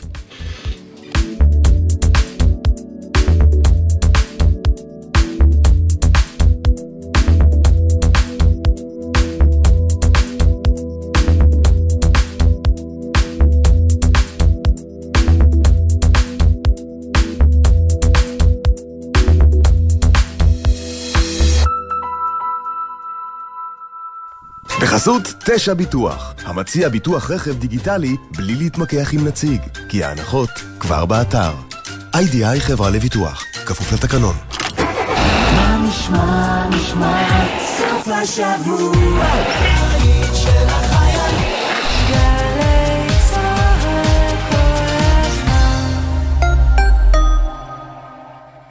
אתן מחפשות שירות לאומי מאתגר, משמעותי ובינלאומי? משרד החוץ מחפש אתכן. בשירות הלאומי במשרד החוץ תוכלו לתרום ליחסי החוץ של מדינת ישראל, לטפל באח"מים, לעבוד מול שגרירויות בארץ ובעולם ולסייע לאזרחים ישראלים בחו"ל. מה מחכה לכן? עשייה במרכז עולם הדיפלומטיה ושירות מרתק ומעשיר. לפרטים נוספים, היכנסו לאתר משרד החוץ. קבלו משוואה, כמה זה יחס אישי, כפול מרצים מעולים, לחלק לכיתות קטנות, התשובה, 90% השמה בשנה שעברה. עזריאלי, חממה למהנדסי העתיד ולמהנדסות העתיד. לפרטים כוכבית 9087. אקדמית להנדסה, ירושלים, קיבלת הודעה בזמן הנהיגה? נניח שאת בדיוק באימון כושר. באימון כושר, אף אחת אינה עונה להודעות, ואיש אינו מצפה ממך שתעני להודעות. כך גם בנהיגה, רק הרבה יותר חשוב, כי שימוש בטלפון הנייד בזמן הנהיגה מעלה את הסיכון לתאונה פי עשרה. אז גם בנהיגה, הודעות יכולות לחכות. אם זה דחוף, מתקשרים. הרלב"ד, מחויבים לאנשים שבדרך.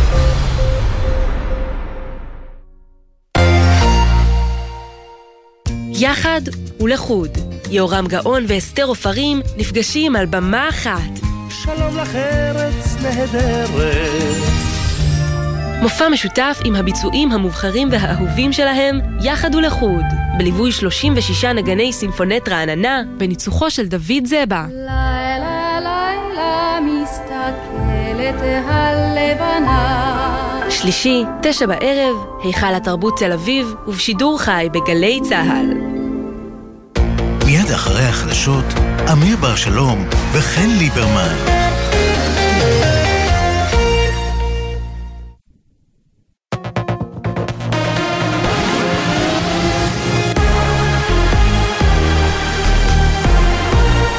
גלי צה"ל השעה 6. שלום רב, באולפן יהונתן גריל עם מה שקורה עכשיו. פסילת אריה דרעי. חבר הכנסת ניסים ואטורי מהליכוד התייחס בגלי צה"ל לפסק הדין שפרסם אתמול בג"ץ ואמר לחן ליברמן ואמיר בר שלום אנחנו שומרי חוק ונכבד את פסק הדין. הוא לא שר, אבל ש"ס יהיו בקואליציה, יש פסק דין, אנחנו שומרי חוק, נקיים את פסק הדין. בית המשפט לא יכול להתערב בהליכים של הכנסת. במקרים מסוימים עדיף שהוא לא יתערב. בהמשך, חבר הכנסת יואב סגלוביץ' מיש עתיד אמר על הרפורמה המשפטית יש שימוש בכלים פוליטיים כדי לרסק את מערכת המשפט. יש פה כוונת מכוון לרסק כל דבר בדרך. הכנסת היא נפלאה, הממשלה היא, היא פשוט בלתי רגילה, והבעיה הגדולה במדינת ישראל הוא בית המשפט. המקום היחידי שאדם יכול להגיע כאשר יש לו בעיה עם הרשות המבצעת. המקום היחידי שיכול להגן על כולנו משרירות הלב, זאת הבעיה. יש פה פשוט אה, זריעת חול בעיני הציבור, אה, תוך כדי שימושים בכלים פוליטיים, לא בכלים משפטיים. שר האוצר בצלאל סמוטריץ' חתם היום על צווים שיפחיתו את מחירו של ליטר בנזין ב-10 אגורות. מדווחת כתבתנו עינב קרנר. מיום ראשון המחיר המרבי לליטר בנזין 95 אוקטן יוזל ב-10 אגורות ויעמוד על 6 שקלים 84 אגורות. זאת לאחר ששר האוצר סמוטריץ' חתם על הצו להפחתת מס הבלו במסגרת התוכנית שהציג עם ראש הממשלה נתניהו לטיפול בהתייקרויות במשק.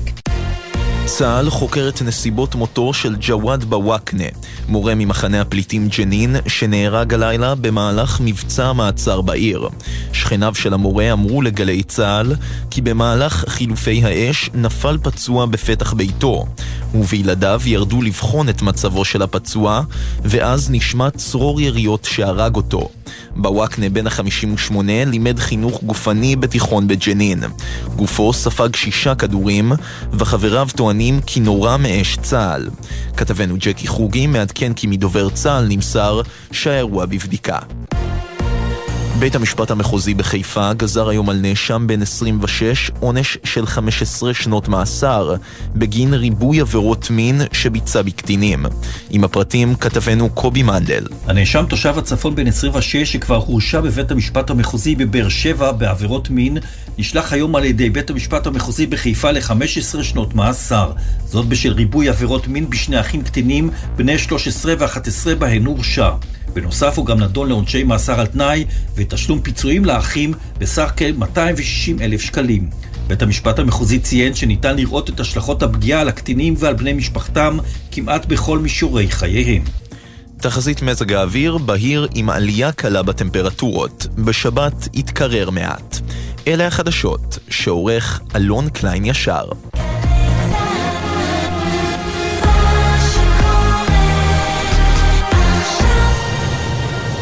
בחסות אוטודיפו, המציעה מצברים לרכב עד השעה תשע בערב בסניפי הרשת, כולל התקנה חינם.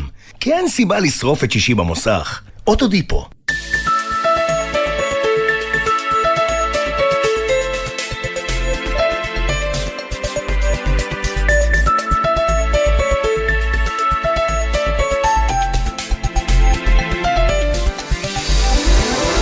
יומן סיכום השבוע עם אמיר בר שלום וחן ליברמן.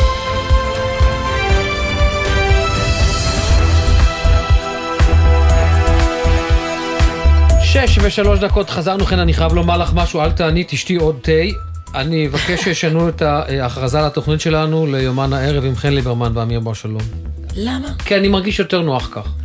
מה, ג'נטלמן? כאילו, ladies first? כזה? זה כל פעם שאני שומע את אה, נעמי רביע מקריאה את זה, אני... אני אבקש, אני אבקש. תדע שמבחינתי זה מה זה בסדר, אני, אני, לי זה לא מפריע, אני חושבת שזה בסדר גמור, אפילו לא חשבתי על זה עד שלא דיברת על זה. טוב, בואי נדבר על הטי עכשיו- טיים. אה, ותודה רבה על התה שהכנת לי בזמן החדשות. נאמר רק, אה, לשתף, זה תה הפעם ממקלות קינמון, תה ותודה עם לנמרוד קינמון, שהביא לנו. אתה אתה הבאת מקלות קינמון מהבית? לא, נמרוד, המפיק שלנו, נמרוד פפרני, המפיק לנו. שלנו, הביא מקלות קינמון מהבית. והתה הוא התה נמרוד, ש... אתה- אתה מסתובב עם מקלות קינמון בתיק, נמרוד? זה מה שאתה עושה? רגע, זה רק 50 אחוז, כי התה הוא של המפיק השני, של יואב מאיסי. אדום עולה. תודה רבה. אז תודה רבה, חברים. ההפקה. לצערי זה לא ממש עוזר לקול שלי, אני מאוד מאוד מקווה שזה לא מעיק על אף אחד, הצרידות הזאת בקול שלי. את נשמעת בסדר גמור, אני שומע אותך באוזניות. את שופטת את עצמך, אה, ב- הייתי אומר, לא בקריטריונים אני לא קשים נשמעת קצת. עצמי, אני לא נשמעת עצמי. אבל את נשמעת בסדר. אה, אם הייתי, אם כל זה הלך כל החיים, את יכולה להגיש אה, מהדורה מרכזית. תשמע, טוב, זה מביא אותי הקול שלי לענייני בריאות, ואנחנו צריכים לדבר על האלימות נגד הצוותים הרפואיים, ששוב מרימה את ראשה.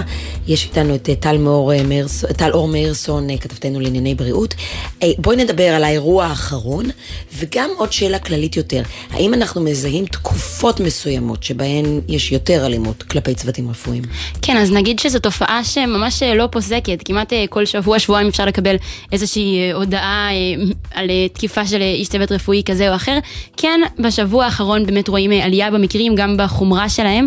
ביום שני, בבית החולים סורוקה, במחלקת הילדים, זוג הורים תקפו את הרופא של בנם, היום הוגש אה, כתב האישום וממש מתארים שם איך אה, האישה ירקה לרופא, בן הזוג שלה הפיל אותו, ואז היא קפצה על הרופא ונשכה אותו, הכל תוך ששניהם ממשיכים לקלל את הרופא אה, ללא הפסקה. המשטרה ביקשה לעצור את השניים עד תום ההליכים, וזה לא הכל, גם הבוקר אה, במרפאה לבריאות האישה ברמלה, מטופלת התפרצה לחדר של רופא בזמן שהוא טיפל באישה אחרת, היא תקפה אותו באגרופים, כללית אומרים שגם היה לה חפץ חד ביד, הוא היה צריך להתפנות לבית החולים אסף הרופא בשביל לקבל טיפול בגלל התקיפה הזו. בבית החולים סורוקה שבתו אתמול אה, בשעות הבוקר במחאה על התקיפה במחלקת הילדים שם, וההסתדרות הרפואית כינסה היום ישיבה דחופה, איימה שגם הם אה, ינקטו בצעדים כאלה, באמת אה, אין כנראה כרגע החלטה. טלור, תודה ושלום וערב טוב לפרופסור ציון חגי, יושב ראש ההסתדרות הרפואית. פרופסור- ואנחנו לא שומעים כל כך טוב. פרופסור חגי, אתה איתנו?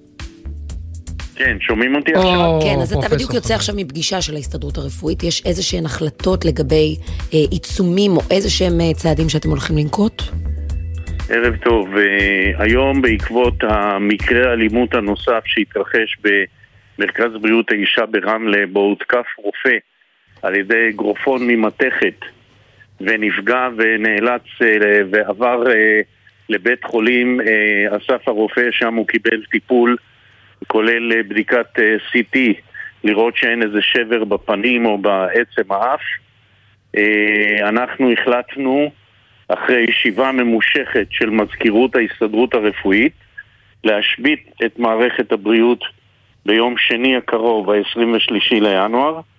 כלל בתי החולים של, כלל בתי החולים וקופות החולים, שירותי בריאות כללית, מרפאות יהיו רק במתכונת אה, חירום. אוקיי, אז אנחנו שומעים את הדברים כאן לראשונה ביום שלישי הקרוב. הצוותים שני, הרפואי- שני. שני שני. הקרוב. שני. בבקשה תחזור לדברים. ביום שני הקרוב תהיה שביתה כללית למשך 24 שעות בכלל בתי החולים בארץ ובמרפאות הקהילה של קופות החולים של שירותי בריאות כללית יהיה אה, טיפול אה, רק חירום. פרופסור חגי, אתה יכול להסביר את הצבר הזה, את הרצף הזה? מה, גר, מה גורם לזה? יודע- אני מנסה פשוט אה, לחשוב, אני רואה, אתה יודע, שתוגבר באופן משמעותי בכל בית חולים, רואים הרבה מאוד אה, אה, מאבטחים, אבל מה, אין הרתעה, אין אולי נציגות של משטרה יותר, הייתי אגיד על זה, נרחבת ונחרצת, יכולה איכשהו כן אה, למנוע מקרים כאלה, או לפחות להוריד את המספרים שלהם? כי אנחנו רואים כמה, שלושה, נכון, טלאור? שלושה בשבוע האחרון. כן. שניים משמעותיים אה, בשבוע אה, האחרון, כן. שני מקרים משמעותיים, אחד בסורוקה ואחד אה, במרכז בריאות האישה ברמלה. ואנחנו רוצים, אני סך הכל יכול להגיד לכם שהאווירה בקרב צוותי רפואה היא אוויר- אווירה מאוד קשה, כי לא היה צבר כזה, כפי שאמרת, של אלימות אה, בבתי החולים ובקהילה. היום האלימות היא אפילו יותר גבוהה בקהילה מאשר בבתי חולים, ולא כל המקרים של אלימות מדווחים. הדיווחים הם רק של מקרים קשים של אלימות. ואנחנו אה, שואלים את עצמנו את אותה שאלה שאתם שואלים, מה קרה? האם זה משהו שקשור לתקופה אה, שבה אנחנו אחרי קורונה? האם יש אה, יותר אלימות בעקבות הקורונה? האם זה קשור לזה? אין לזה תשובה חד משמעית ברורה. האם אנחנו רואים לנו- עלייה באלימות בתקופות של עומס גדול? לא, אנחנו לא רואים, אה, אנחנו רואים את זה לאורך כל השנה. את המקרי האלימות רואים כל השנה, ולא לא בהכרח שזה קשור לעומס. אנחנו במקרים, אה, כמו שאתם רואים, המקרים האחרונים, זה פשוט אנשים שרצו להיכנס אה, לפני התור שלהם, גם בסורוקה וגם בבית חולים, אה, במרכז בריאות האישה ברמלה. זאת אומרת, המקרים הם אינם אה, בהכרח קשורים לעומס, ודאי שעומס והמתנה ארוכה יכולה אה, להביא למקרים של אלימות, ודאי שכן, אבל במקרים האחרונים שאנחנו ראינו אין קשר בין השניים.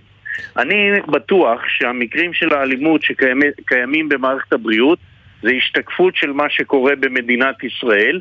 יש אלימות כנגד נהגי אוטובוסים, כלפי מורים אה, ומורות, והאלימות היא אלימות אה, כלל ארצית, אנחנו רואים אותה גם בדרכים, ברמזורים, אה, וזה מאוד מטריד, כאשר ברקע אנחנו גם רואים את השיח הבוטה שיש בין פוליטיקאים אה, מהאופוזיציה והקואליציה, זה לא משנה מי, אה, בסופו של דבר אנחנו רואים שיח שגם הוא בוטה, ומילים שלא נשמעו בעבר, אני לפחות לא זוכר דבר כזה, אני חושב שגם אלימות מילולית כזו מקרינה על הציבור, והציבור מפרש אותה כלגיטימציה לאלימות, אבל- כלגיטימציה לחופש פעולה. פרופסור חגי, איפה דיברתם בזמנו על אה, הצבת שוטרים בבתי חולים? זה קורה. אתם רואים לזה כבר איזושהי השפעה? בהחלט. כי אם אנחנו היום למשל בסורוקה, היה, רופ... היה אה, שוטר שהגיע מיד ועזר לרופא, לרופא שבאמת אה, אה, אה, נחבל ושכב על הרצפה כאשר אה, התנפלו עליו הזוג שהתנפל עליו והוא בא וחילץ אותו. בהחלט, השור... השוטר הגיע תוך כמה דקות. ברור שתחנות משטרה או שיטור זה לא דבר מס... אה, מספק ואנחנו באים בדרישות נוספות למקבלי ההחלטות, לממשלת ישראל, להוספת מאבטחים בבתי החולים ובקהילה והגדלת הסמכויות למאבטחים והדבר הכי חשוב הוא להכריז על זה כמקצוע מועדף, כי היום יש תקנים, שאלה אבל צעדים, הם לא מאוישים. אלה צעדים מעשיים. אתה אומר למקצוע מועדף שאתם יכולים יחידות קרביות שהם יהיו מאבטחים בבתי חולים. נכון מאוד. אין אין לך, היום- אגב, אין לך שר בריאות עכשיו שיריץ את הרפורמה הזו.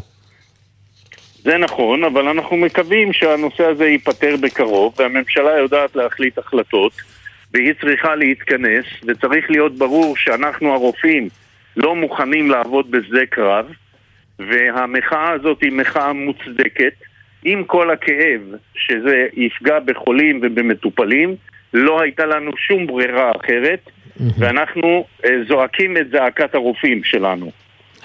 הפרופסור ציון חגי, יושב ראש ההסתדרות הרפואית, תודה רבה לך, ורק נחזור על הכותרת אה, כאן בריאיון איתך. ביום שני, שביתה במערך הרפואי של אה, קופת חולים אה, כללית וגם במרפאות, במחאה על, בבתי, לא, בתי החולים ומרפאות, נכון?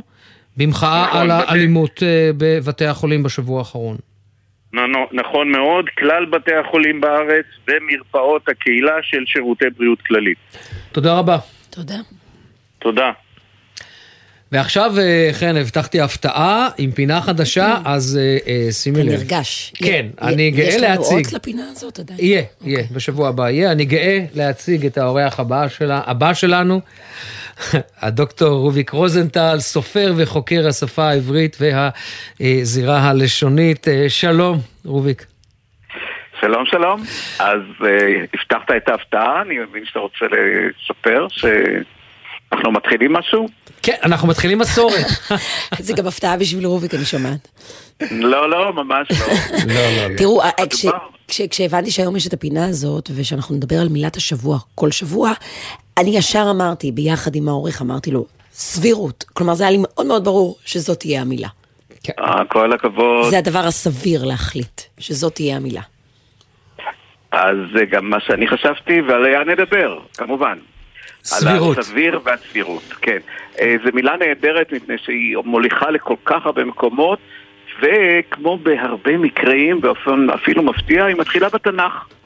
ובתנ"ך אה, הפועל הזה לסבר ול- ולסבור וכדומה, פירושו להתבונן ולקוות, זאת אומרת זה משהו ככה משהו אה, הגותי כזה, אבל בלשון חז"ל אצל חכמינו כבר סבר הזה מופיע בכל מקום, למשל מתפלפלים, אז אומרים מר סבר כך ומר סבר כך, ויש בעל סברה ויש סבוראים שזה החכמים שאחרי המוראים, ואיפכא מסתברא, זוכרים את זה? כן. כמובן הכל ההפך. סבר פנים- סבר פנים קשור לזה? וגם סבר פנים יפות, שזה ביטוי במסכת אבות ככה, אה, הווי מקבל כל אדם בסבר פנים יפות, כלומר, תתבונן עליו באופן, אה, באופן יפה. זה עניין של הקשר בין התבוננות למחשבה, זה מאוד יפה. ומזה התגלגל גם ברכת הקידוש הפופולרית, ספרי מרנן ורבנן ורבותיי, שהפכה להיות אה, סדרת קאלט ב...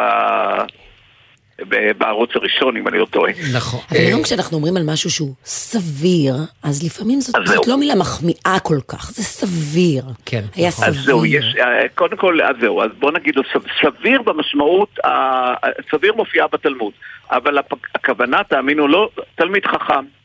גמיר וסביר, תלמיד חכם.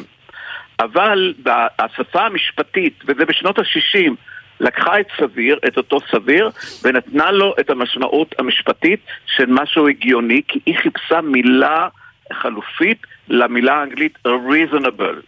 שזה אותו, אותו רעיון, והמילה הזאת מופיעה אה, במשפט האנגלי וגם האמריקאי שוב ושוב ושוב, אני תמיד, אה, בלי, בלי להביע דעה, אם מוצאים את המילה סביר בסבירות משפת המשפט. למה נשאר לא להשתמש בהגיוני, רוביק? למה לא להשתמש בהגיוני אלא בסביר? אה, סביר מפני שהוא אה, יותר פתוח. תשמע, בוא לא הגיוני ניכנס זה. לשאלה, הגיוני לא עובד מספיק פה, הוא הבנתי. הולך למקום קצת אחר, אבל בהחלט השאלה של חן היא מעלה איזה הגיג, מעלה סוג של שאלה, כי סביר זה אומר זה לא מוחלט. ומה שאומרים בעצם במערכת המשפט, הרבה דברים לא לגמרי מוחלטים, אבל הם צריכים לעמוד במבחן ההיגיון, ולכן מה שאנחנו כולנו מכירים, שדברים צריכים לאשמה, צריך להוכיח, מעבר לכל ספק סביר. ברגע. שיש ספק סביר כלשהו, כלומר, ספק מסוים, תראו את משפט זדורוב, כן? כן. אה, אה, כמעט בטוחים, אבל עשרה אחוז עדיין אה, הם בספק, אז אנחנו אה, מעדיפים את הספק על, על הוודאי. מעניין. יש פה סביר קצת הפוך. זה, זה מעניין, כי אה, אני חושבת שהמילה סביר, היא, הסבירות נמצאת באיזושהי סכנת הכחדה. כי היום, כשיש כן. כל כך הרבה דיסאינפורמציה, ואין שום דבר שיש עליו קונצנזוס, כלומר, כל דבר, הוויכוח הוא כבר הרי לא בין דעות, הוא בין עובדות, ועובדות אלטרנטיביות. אז קשה למצוא את המקום הזה שבו מה שסביר לי יהיה סביר לך, כי אנחנו נכון, חיים אה, בעידן אה, כל כך אה, קוטבי. אז זהו, אז זה גם, יש ויכוח בתוך מערכת המשפט.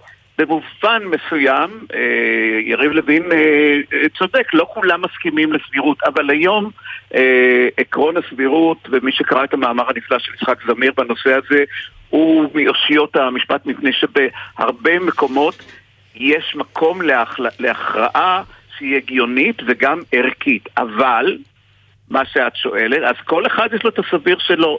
הסביר של בית המשפט הוא מה שסביר בתוך גבולות החוק. זאת אומרת, זה מה שמכתיב אותם. הוא אומר, יש לנו מערכת חוקית, יש מתחם סבירות, אה, יש אפילו מושג גיאומטרי כזה, ובתוכו אנחנו, אני כרגע לא, שוב פעם, לא מביע דעה, אני מצטט כן. אה, הנוש... אה, איך מתייחסים לנושא הזה.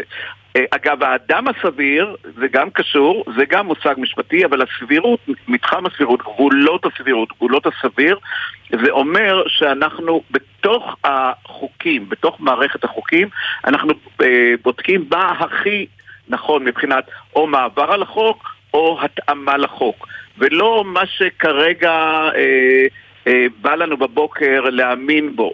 ולכן, אה, בכלל בכל דיון המשפט, כאילו שאנשי המשפט יושבים, וכל אחד יש לו כאב בטן בבוקר והוא בא איתו לבית המשפט. זה אנשים שגדלו בתוך מערכת החוק, והם אלה שצריכים לממש אותו ולפרש אותו, זה המקצוע שלהם, וזה לא המקצוע של פוליטיקאים. ולכן מושג הסבירות מאוד מאוד חשוב להם. הם משתמשים בו, וזה נאמר שוב ושוב, מאוד מאוד מאוד בזהירות. והמושג סבירות מיל, זאת מילה שהומצאה במשפט הישראלי, שוב פעם, בעקבות המשפט הבריטי, על ידי חיים כהן, אה, אחד הגדולים ביושבות המשפט בשנות ה-60, וה...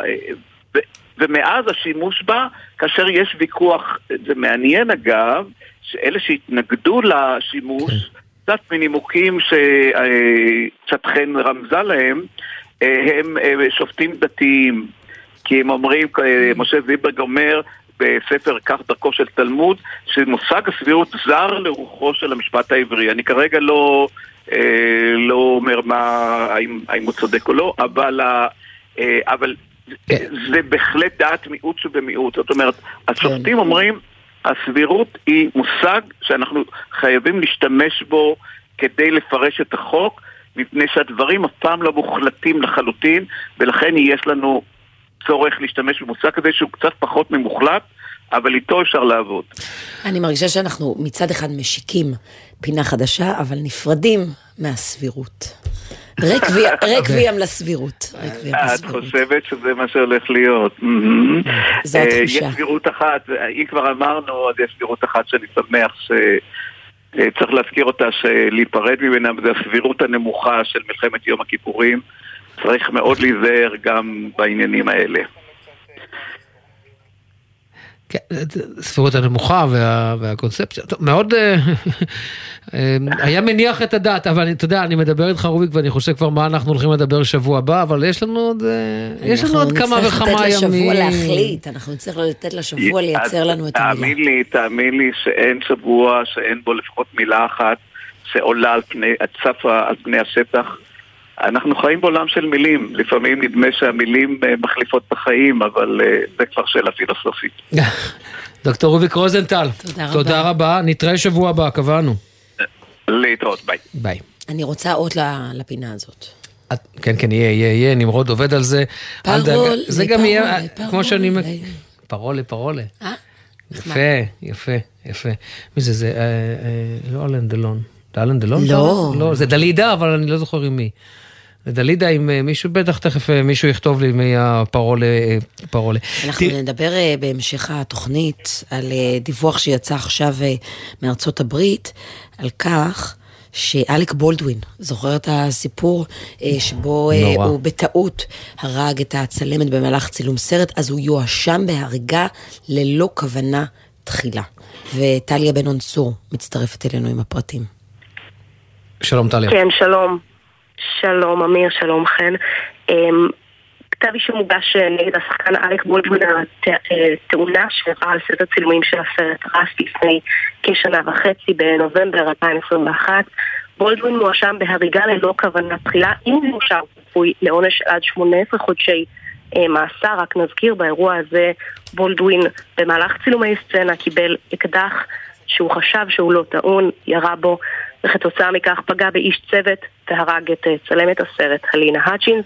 לצידו אה, הוגש כתב אישום גם לעוזר הבמאי של הסרט הזה שהיה אחראי על הנשקים ולטענת בולדווין הגיש לו את הנשק ואמר כי הוא בטוח לשימוש מה שהתברר כמובן אחר כך כלא נכון. אה, בתביעה שהוגשה אחר כך נכתב כי הטרגדיה הזו התרחשה באתר צילומים של סרט לא בשדה קרב או מקום אחר שבו ייתכן שאקדח יהיה טעון בכדורים חיים, אכן באמת הכתב אישום מוגש לא רק אה, נגד בולדווין, אלא גם על האחראי לנשק שהגיש לו את האקדח הזה. ואת אומרת שהוא יכול להיות נידון ל-18 חודשי מאסר בפועל? נכון, נכון, זה העונש המרבי אה, בארצות הברית על האישום הזה, אה, הריגה ללא כוונת תחילה. אני מנסה להבין מה אלק בולדווין יכול היה לעשות. אני באמת מנסה להבין. אה, שוב, את שוב, אני- זה לא, זה לא, טליה, זה לא אליי, לא, זה לא, לא את האינסטנציה המשפטית. זה המקבילה האמריקאית לגרימת מוות ברשלנות. כלומר, הוא היה, הוא, הוא נקט ברשלנות, כי הוא אמור היה לדעת שיש פה איזושהי סכנה, זה מה שבעצם כתב האישום. אבל את יודעת, זה נכון, זה נכון משפטית גם על זה, את עולה, את עולה לכביש, וילד קופץ לך, היית צריכה לדעת שילד אולי יקפוץ לך, חס וחלילה, כן? אבל... אבל אמיר, אמיר זה יותר מזה, כי בולדווין הוא מפיק שותף של הסרט הזה, זאת אומרת הוא אחראי על הרבה יותר מסתם להיות שחקן בסצנה. מעבר לזה, אה, אתה יודע, אחרי שהפרשה הזו התפוצצה אז בנובמבר, הרבה אחראים על אה, נשק באתרי צילומים בכל העולם, גם כאן בארץ, אמרו, גם כשמדובר בנשק שהוא prop, מה שנקרא על אתר הצילומים, שהוא אביזר, לא מכוונים אותו על בן אדם אף פעם. בודקים, עושים בדיקות מקדימות, אה, דבר כזה לא אמור לקרות, בטח. ברור. זו השאלה יכול להיות שגם אם אלק בולדווין לא היה זה שבכלל לוחץ על ההדק, עצם היותו המפיק בפועל, יכול להיות יש שזה לו מה ש... יותר אחריות בסיטואציה הזו כן. לגמרי. מטיל עליו את האחריות, הבנתי. בסדר גמור. טוב, תודה אה, רבה. טליה בן צור, תודה. תודה רבה. אה, מעניין מאוד יהיה לעקוב אחרי המשפט הזה, כי תראי, אני כמי שהיה בצבא, אה, בתפקידי לחימה, קשה לי מאוד לכוון נשק בכלל. למה? כי זה דבר שאתה מושרש בך. אתה לא מכוון נשק על בני אדם, לא משנה מה, אלא אם כן בפעילות מבצעית ואתה, ואתה צריך. אה, פה, אתה יודע, יש פה עניין, יש פה עניין שהוא הוא, הוא, הוא מאוד מאוד גבולי. בהקשר הזה, כשמגיש לך את זה מי שאחראי על הנשק ואומר לך זה בסדר, הכדורים הם באנגלית קוראים לזה בלנק, נכון? זהו, זה- כן, תראה, סרק. מבחינת השיח הציבורי עד כה, אה, אה, בולדווין הרגיש אשם, הרגיש נורא, אבל הוא לא הואשם בזה ברמה הציבורית. כלומר, אף אחד לא חשב שהייתה לו כוונה, או שהייתה כאן רשלנות מצידו. הייתה רשלנות, אבל דווקא אלק בולדווין לא הואשם ברשלנות הזאת. אני שואל את וכתב הש- האישום הזה כן מחזיר את זה לבולדווין. אני חושב, אני, אני קודם כל שואל את השאלה, מה פתאום מביאים תחמושת חיה? הרי אתה בסופו של דבר, אתה צריך רק את האקדח ואת, ואת, וכדורי סרק. א- איך מגיעה תחמושת חיה אולי בכלל? תהיה יועץ לסרטים הוליוודים? אה, עם כל ניסיונך. לא, אחלה זה- עבודה. הנה, אה, שולחים לי, כן, הנה, שולחים לי לגבי פרולה פרולה, זה אלן דלון ודלידה. אה, סליחה, אז סתם תיקנתי אותך. אה, כן, אלן דלון. לא עושה את זה עופר, יותר. תודה על ה- תודה על ההצלה. תודה על העדכון, אכן, אלן אה, אה, דלון, אבל אולי נמצא גם, את יודעת, איזשהו שיר, שהוא שיר... עברי. כן, שהוא שיר עברי. יש לנו היום גם, שכחת, יש לנו פינת פדיחה, היא תגיע יותר עוד מעט, עוד מעט. אנחנו יוצאים להפסקה קצרצרה, קצרצרה של תשדירים, ונשוב מיד אחר כך.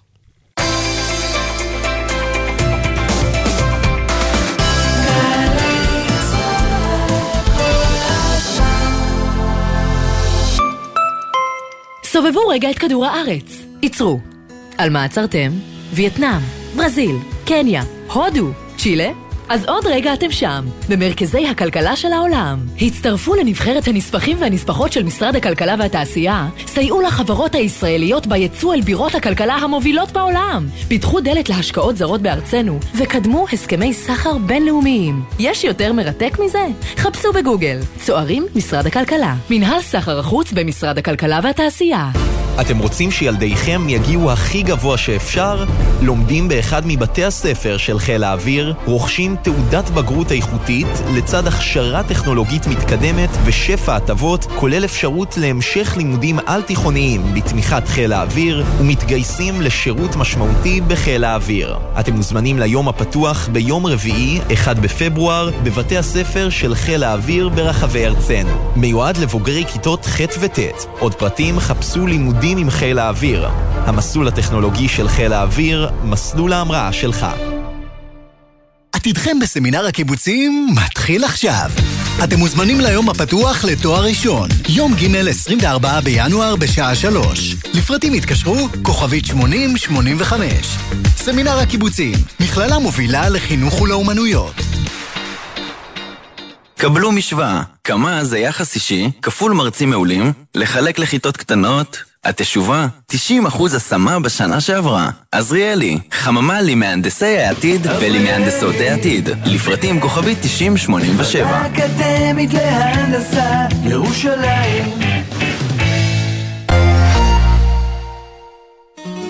מה זה באמת להיות ישראלי? דינה זילבר במסע לתוך הישראליות עם דמויות מפתח בחברה, בספרות ובתרבות. והשבוע, הרב יובל שרלו. מצד אחד, רוב פעילותי הציבורית היום הם לא כלפי הציונות הדתית, הם כלפי כלל מדינת ישראל, אבל השורש שלי והבית שלי הוא בציונות הדתית. מילים ומשפטים עם דינה זילבר. הערב בשמונה, גלי צה"ל.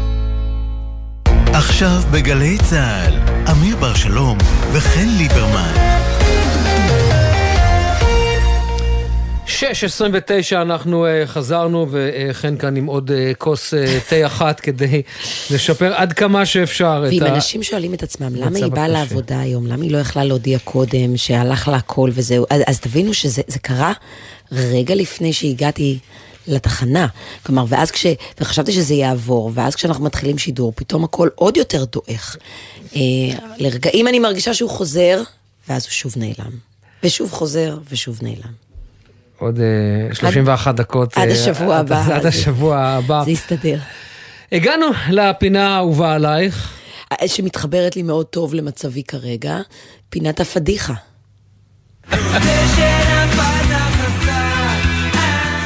כוכבים משתפים בפדיחות על הבמה.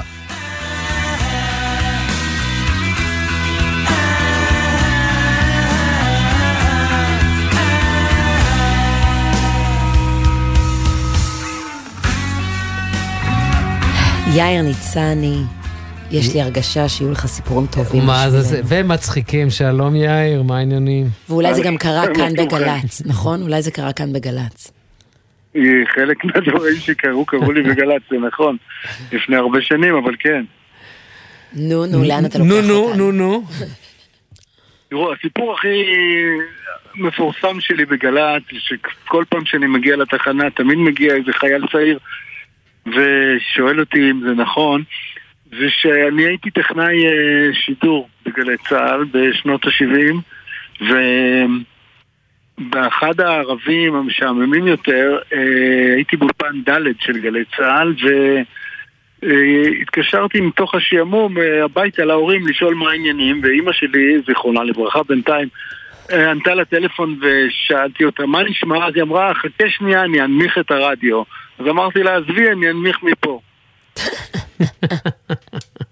ו? טוב, זה...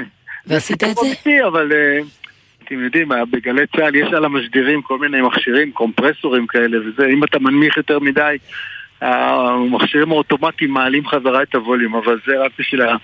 בשביל הבדיחה זה היה. זהו. ובהופעות לא היו? פדיחות, יש לנו מיני פדיחות, אתם יודעים, מי שמופיע, יש לו פדיחות, אה, קורים דברים. אה, גם בתיסלאם קראו לנו, וגם בהופעות האישיות שלי. אני דרך אגב בדרך לירושלים להופעה בתיאטרון ירושלים, מקווה שלא יהיה פדיחות גם הערב. אבל היו לי דברים, אני זוכר שפעם הופעתי, ב... לפני המון שנים, הופעתי לי איזה גוף אה, ש... שרכש את ההופעה. ומשום מה שום דבר לא עבד, אה, שום דבר לא הצחיק אותם, והם הסתכלו עליי בעיניים אה, גדולות ולא הבינו מה אני רוצה מהם. רגע, זה היה מופע סטנדאפ.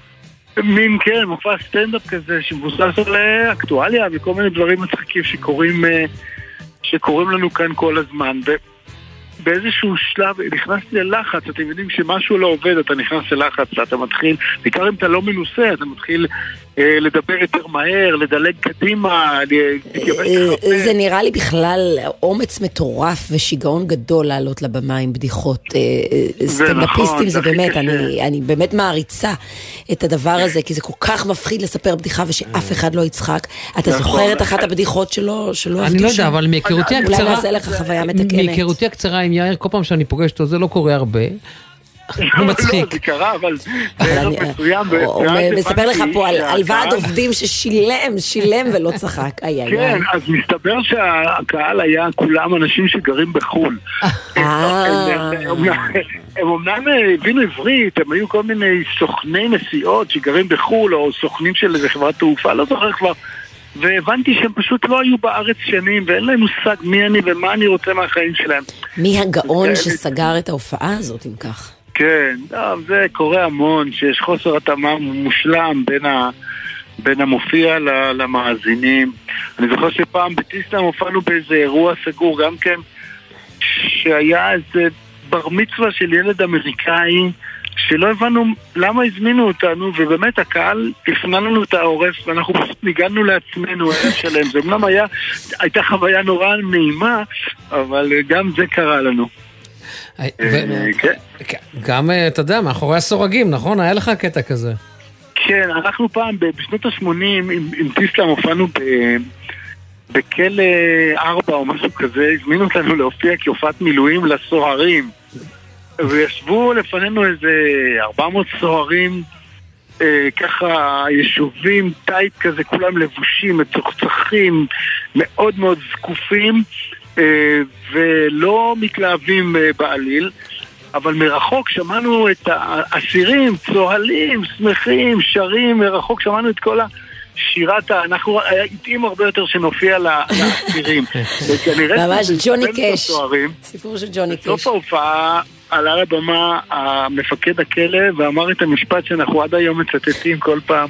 הוא אמר, אני רוצה להודות ללהקת טיסלאם שנתנה הופעה די טובה.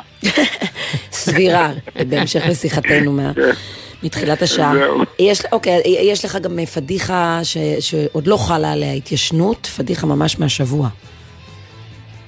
השבוע מה היה לי? אה, כן, נכון, זה גם נכון. תראו, יש הרבה פעמים שאתה... זה, זה פדיחות טכניות. אני השבוע אה, הלכתי אה, להופעה של אה, יזהר אשדוד, שחגג אה, 30 שנות, אה, 30 שנות קריירה סולו שלו.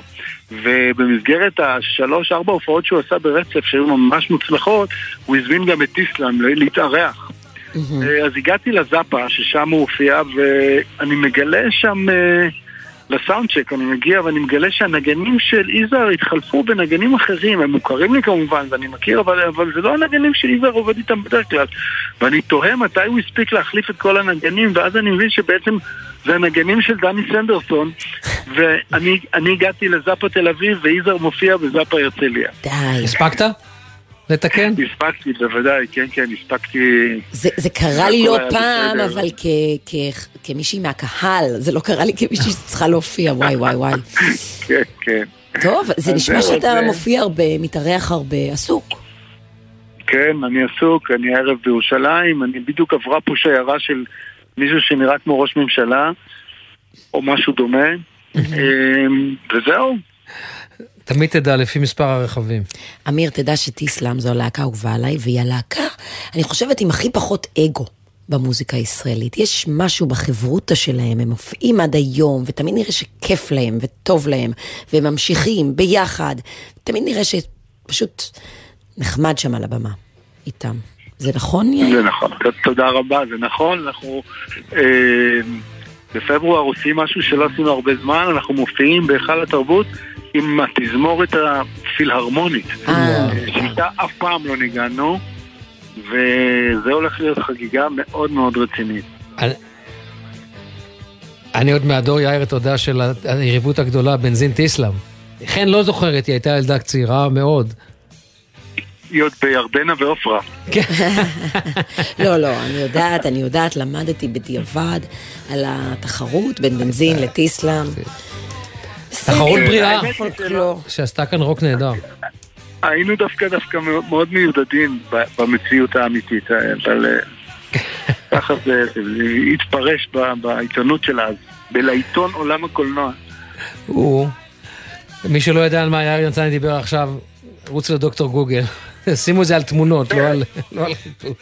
תבין. נחשבו יותר התל אביבים, ובנזין מהפריפריה. חיפה, וולקן, הקריות, אה, גם טיסלאם הביאה מוזיקה מוזיקה הרבה יותר כביכול, נכון, שמחה, בנזין, אתה יודע, יש יש שם בכל זאת את המשקל גם של, אה, אה, גם של פוליקר.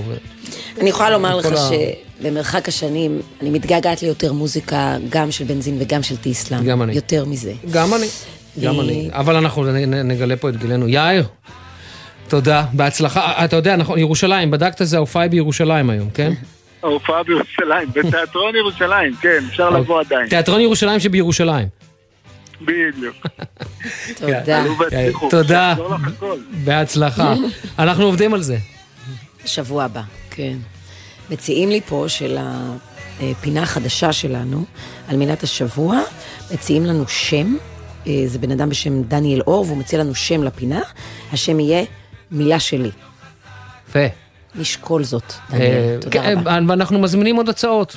אנחנו מזמינים עוד הצעות, אה, אפשר לפייסבוק, טוויטר, וואטסאפ שלנו, please do. תציעו לנו מילים לפינה, ובסוף אנחנו נבחר את מה בוא נשמע שאנחנו קצת רדיו. חזק. כן.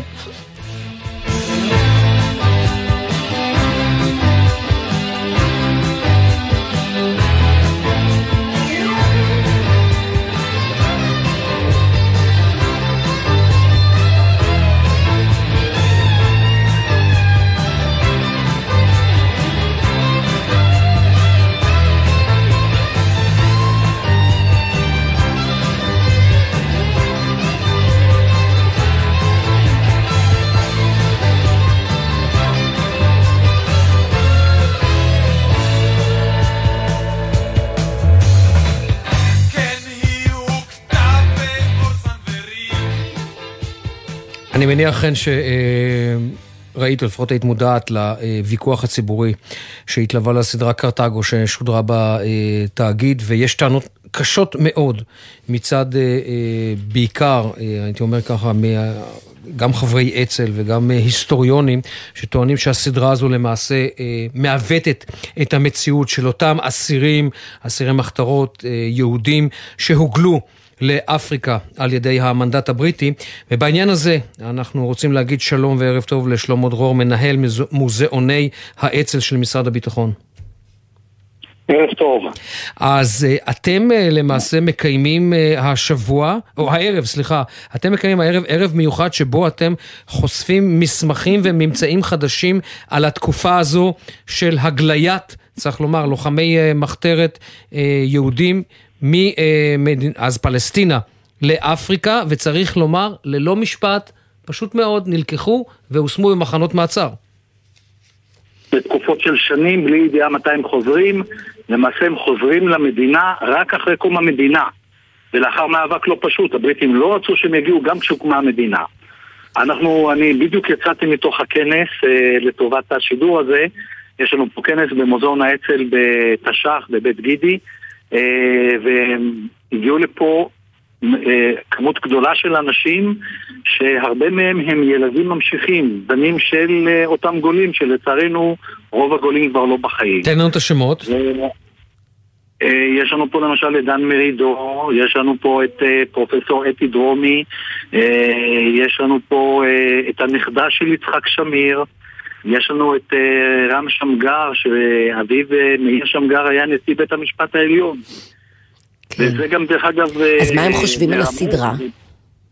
מה? ומה הם חושבים על הסדרה? מה אתה חושב על הסדרה? אני יכול להגיד ככה, זאת סדרה דרמה, היא לא סדרה היסטורית. מה שהרגיז מאוד את האנשים, שאמרו שזה מבוסס על סיפור אמיתי, הדבר היחידי שאמיתי בסיפור הזה, זה ה... אה, שיהודים נשלחו לגלות לאפריקה. מעבר לזה, כל הסדרה דמיונית, מעולם לא ישבו אסירי האצ"ל והלח"י יחד עם אה, נאצים או חיילים גרמנים או איטלקים. אה, קרתגו הייתה בכלל במדבר ולא, ולא בג'ונגל. האסירים ניהלו חיים למופת, מעולם לא הוצא אף אסיר על ידי אסירים אחרים להורג, בטח לא בגלל הלשנות או משהו כזה. וגם לא הייתה אלימות, כי הם ניהלו חיים מאוד מאוד מאורגנים ומסודרים. מדובר פה בקבוצה של אנשים, זה מיטב הנוער, מיטב האנשים של האצ"ל והלח"י. חלקם רכשו תארים תוך כדי, נכון? אה, כן, למשל מאיר שמגר וגם אה, תמיר שהבת שלו פה, שמואל תמיר, אה, לימים שר המשפטים שהבת שלו נמצאת פה בכנס, וערבים אחרים למדו תוך כדי, ה- דרך אגב, באישור ובעידוד של הבריטים. הבריטים מאוד היו מעוניינים שאנשים שם יעשו חיי תרבות ולא ינהלו להם בריחות. זה לא עבד כל כך כי יש שם סיפורי בריחות מדהימים בתעוזה שלהם ובאומץ שלהם ובתחכום. אה, והיו ניסיונות בריחה בלתי אה, פוסקים. והמטרה הייתה קודם כל להגיד לבריטים, לא יעזור לכם, איפה שתקלעו אותנו, אנחנו ננסה לחזור לארץ. דבר שני, זה שמר את הסיפור בתקשורת. זה הכניס את הבריטים להרבה מאוד לחץ סיפורי הבריחות. אבל אני רוצה לחזור רגע לחיי התרבות, שהם חיים מרתקים, וזה מופיע אצלנו פה מסמכים. אה, הם הוציאו עיתון יומי. היה להם קשב שישב ואסף ידיעות, והם ממש כתבו שאנשים ידעו מה קורה בעולם ומה שקורה בעיקר בארץ ישראל, וצריך לזכור שהם מגיעים לאפריקה עדיין מלחמת העולם אה, בעיצומה. אז רוצים לדעת מה קורה, איפה מתקדמים הצבאות. הם הוציאו כתב עת, הם אה, ניהלו שם חוג לתיאטרון, הם ניהלו חוגי ספורט. הייתה להם נבחרת כדורגל, היו להם קבוצות כדורגל. הם אפילו ניסו לקיים טורניר מול החיילים הבריטים, היו צריכים לקיים מספר משחקים, אבל אחרי שבמשחק הראשון אה, אנשי הגולים למעשה ניצחו 6-0 את הבריטים, לא התקהלו יותר משחקים בין הבריטים לבין החבר'ה של האצ"ל והלח"י, אה, והם קיימו שם פעילות מדהימה.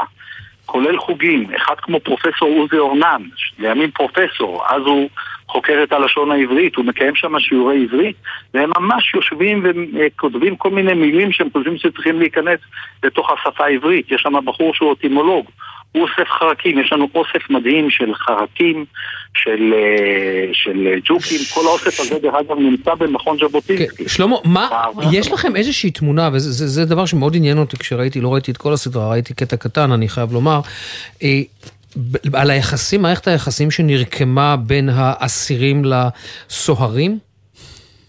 כן, יש לנו תמונה כי הרי- ברורה, היו יחסים, היו יחסים מאוד מאוד טובים, תזכור שכולם ישבו באותו מקום. גם הסוהרים הבריטים, אותם שוטרים בריטים, כן, זה לא ממש אה, סינדרום סטוקהולם, נכון? זה לא ממש סינדרום סטוקהולם, כי זה, זה, הסיטואציה היא קצת לא, שונה. לא.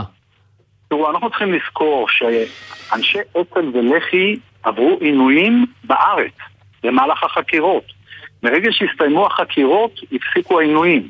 הם מגיעים לאפריקה, כבר אין חקירות, הם, הם נמצאים שם למעשה במטרה להרחיק אותם, אז היחסים עם השוטרים הבריטים היו יחסים מאוד מיוחדים. זאת אומרת, אנשי האצ"ל כל הזמן הסבירו לבריטים שהם ינסו לברוח, לא יעזור כלום. אבל זה לא אומר שהם לא קיימו יחסים מאוד אה, אה, מכובדים, אם אה, הייתה הנהלת, אה, החבר'ה ממנים להם אה, מפקחים על המחנה. דרך אגב, יעקב מרידור, שהיה בכיר בין אנשי האצ"ל, כשהוא מגיע לאפריקה, הוא אומר, אני לא מוכן להיות מפקח, אני לא רוצה להיות מפקד המחנה, כי אני מתכנן לברוח, אני לא אשאר פה. אז מי שלא רוצה לברוח, שהוא יהיה המפקד. הוא באמת מוביל הרבה מאוד בריחות, הוא גם כתב ספר מרתק שנקרא ארוכה הדרך לחופשית, לחירות, ב- מספר שם את סיפורי הבריחות.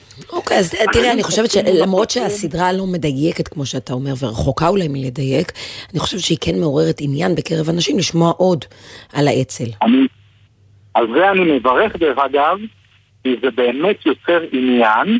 אני רק אומר לאנשים, אל תסתכלו על הסדרה ותגידו זה מה שהיה, כי זה לא מה שהיה.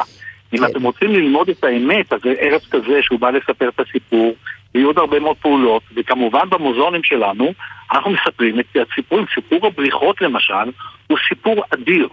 הוא סיפור של אנשים שכל אחד יש לו תפקיד, יש לנו פה אחד, אה, לייבוביץ', שהוא אחד מגולי האצ"ל, איש מאוד מבוגר כן. היום, אבל האיש הזה היה חפר. הוא חופר את המנהרות עם כף, הכף הזאת נמצאת אצלנו, דרך אגב, במוזיאון. חופרים עם כף, הם מזייפים למשל אה, דרכונים, כי הם שומעים ברדיו שהונדורס קיבלה עצמאות. עכשיו, אף אחד לא יודע איך נראה הדרכון של הונדורס, אבל הם מזייפים דרכון של הונדורס. גם הונדורס עצמה עוד לא יודעת איך נראה הדרכון שלהם, הם כבר מזייפים דרכון. זה מדהים לראות את הדרכון הזה. שלמה דרור. אה, כן. לא, אנחנו פשוט, הסיפורים האלה הרי סיפורים היסטוריים כאלה, במיוחד כאלה שהציבור לא נחשף אליהם כל כך, יכולים הרי להעסיק אותנו ימים ושעות. אנחנו פשוט נעצור כאן, אבל אה, תודה רבה שהצטרפת אלינו הערב הזה. תודה לכם, ונקווה לשמוע יותר על הסיפורים האלה. תודה. מי שהאזינה לכל הסיפורים המעניינים האלה היא עורכת הדין סיגל פעיל. אה, שלום, ערב טוב. בעניין אחר צריך לומר. כן, כן, אני כבר אסביר. כן. את מייצגת את uh, שלושת נהגי ראש הממשלה שפוטרו, ועכשיו אתם מוציאים uh, צו מניעה. אתם מבקשים צו מניעה לפיטורים האלה. Um, הנהגים לא פוטרו, הם הודחו מתפקידם כנהגי שיירת ראש הממשלה. אנחנו הגשנו עכשיו בקשה למתן צווים זמניים לבית הדין האזורי לעבודה בירושלים. אז תסבירי לנו מה קורה עכשיו, והם מבחינה, הם כבר לא באים לעבודה, נכון? הם בביתם. ומה ההסבר לכך? אין הסבר. אנחנו ביקשנו הסבר, ביקשנו בכתב הסבר, ביקשנו בעל פה הסבר, אין הסבר. מה אתם מניחים מההסבר? יש לנו הם, הם, מחשבות, יש חששות. הם, אני לא חושבת שזה ראוי לאנשים מבוגרים כמותם וותיקים אה, להיכנס לספקולציות ולמחשבות לגבי איזה מניע גרם למה שקורה להם. בוודאות זה לא מניע ענייני, זה לא מקצועי. אין טענה אה, אחת לגביהם. בואו לא נלך סחור סחור למאזינים שלא יודעים על מה אנחנו מדברים. מדובר על נהגים בלשכת ראש הממשלה, שחלקם הוזמנו על ידי הפרקליטות כעדי תביעה להעיד במשפטו של ראש הממשלה, נכון? תקני אותי אם טעיתי. בין היתר נכון. וזו... לא רק הם, כל ששת נהגי ראש הממשלה הוזמנו לעדות, אני רוצה רק להבהיר, הם uh, קיבלו הוראה ללכת לתת עדות על ידי פרקליטות המדינה, uh, uh, לא רק הם, יש רשימה של עדים, והם מבצעים את ההוראות שלהם, הם עובדי מדינה קבועים, מזה עשרות שנים נוהגים את כל ראשי הממשלה ברציפות, זה תשעה ראשי ממשלה, בין היתר את ראש הממשלה בנימין נתניהו, שאותו הם, אה, הם אה, זכו לנהוג למעלה מ-15 שנים בקדנציות שלו, לשביעות רצונו המלאה, אה, לשביעות רצון כולם. אלה נהגים מבצעיים. סיגל, זהו, תשאיר לי, תני לי רק רגע לעצור כאן, להסביר למאזינים מה זה נהג של ראש ממשלה. נהג של ראש ממשלה זה לא סתם נהג, זה נהג שיש לו הכשרה מבצעית לנהיגה במצבי חירום במהירות גבוהה. זה, זה מקצוע, זה נהג מבצעי, זה לא נהג כמו שאנחנו יכולים אה, אה, רק רגע לדמיין ולהגיד, אוקיי, אז הוא נוהג ברכב כזה, ינהג ברכב אחר. לא, הוא חלק מצוות האבטחה של ראש הממשלה. בדיוק. ובעצם בהדחה הזאת מתייחסים לזה כאילו זה גם משרת אמון. תראו, הם, אה, עובדים קבועים שבהקשר אה, הזה נהגים מבצעים בדיוק כמו שאמרת, שעוברים הכשרות בארץ ובחו"ל ושנוהגים עם כל ראשי הממשלה, אחד אחרי השני השלישי, כמו שאמרתי קודם, תשעה, ברצף.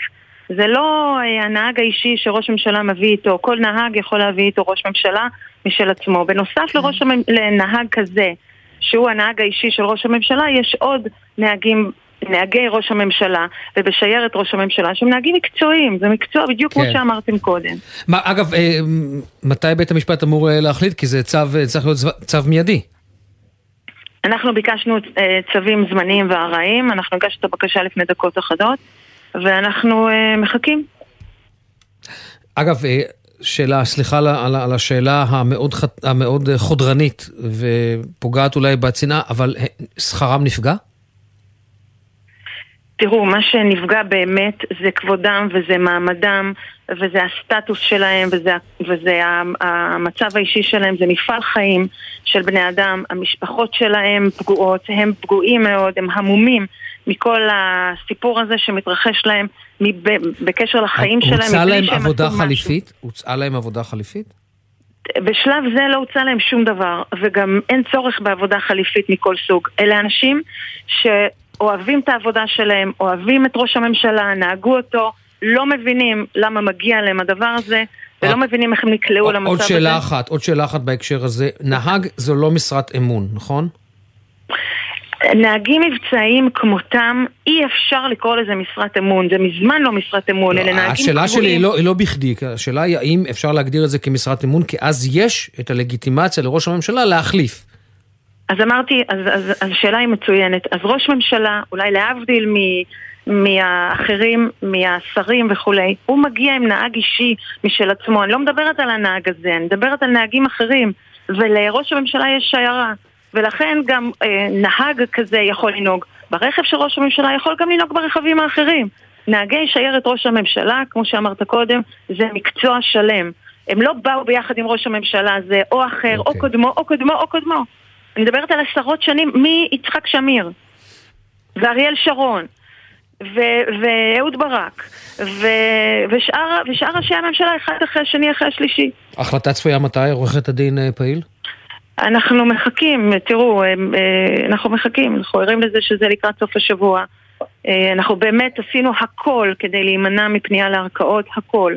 אנחנו אה, אה, קיווינו שאפשר יהיה להתעורר מה, מהסיוט הזה ולהגיד, או, oh, אוקיי, זה מאחורינו, אבל לצערי עוד לא. אוקיי. Okay. עורכת הדין אה, סיגל פעיל, שמייצגת את uh, הנהגים במשרד uh, ראש הממשלה, שהועברו מתפקידם. תודה רבה לך, ערב טוב. תודה רבה לכם. תודה. ועכשיו, פינת ההמלצות. שלום למאזיני גלי צה"ל, כאן יזהר כהן. אני רוצה להמליץ לכם לסוף שבוע זה, לקפוץ בשבת לנמל תל אביב. נערך שם פסטיבל מיוחד במינו, אני חושב הראשון במינו, הג'חנוניאדה. יהיה פסטיבל ג'חנונים, יהיה כיף. מזג האוויר יהיה מופלא. אני בטוח שיהיה צפוף, צפוף, אבל כדאי. אז uh, בואו ותקייפו. שבת שלום. אני בדילמה. את תג'חנני? אני מאוד מאוד בא לי ג'חנון ובא לי מקום שמתמחה בג'חנון, אבל אין סיכוי שאני מתקרבת לנמל תל אביב בשבת בבוקר, שום סיכוי. אז אני אענה לך, אין שום סיכוי שאני מתקרב לג'חנון. אה, באמת? אתה לא אוהב ג'חנון? אני מת על ג'חנון. אה, אבל אין סיכוי שתתקרב. כל הכבוד לך. הקלוריות הן האויב במקרה הזה. חן, רק בריאות, תודה רבה, היה כיף שחזרת. מה, כבר נגמר? כן, עבר מהר. אה, בסדר גמור, טוב, תודה, אני מצטערת על הקול שלי, אני לא יודעת, הוא בגד בי, קולי. לא, לא, אבל אה, אני אשוב יחד איתו בשבוע הבא. אה, ונגיד גם תודות. אבל זה עליך. עליי.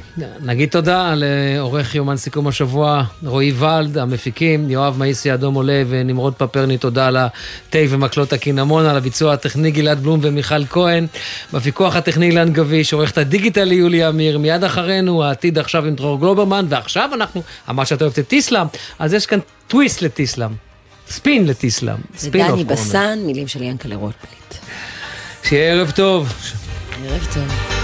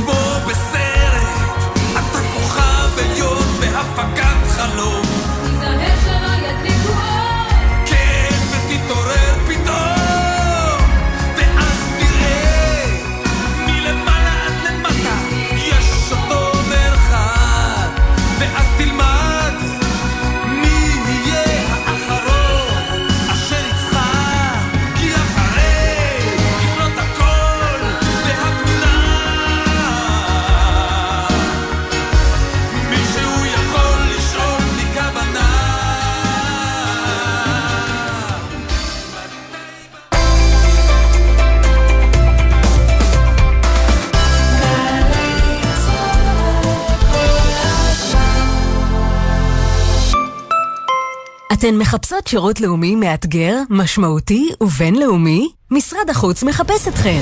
בשירות הלאומי במשרד החוץ תוכלו לתרום ליחסי החוץ של מדינת ישראל, לטפל באח"מים, לעבוד מול שגרירויות בארץ ובעולם ולסייע לאזרחים ישראלים בחו"ל.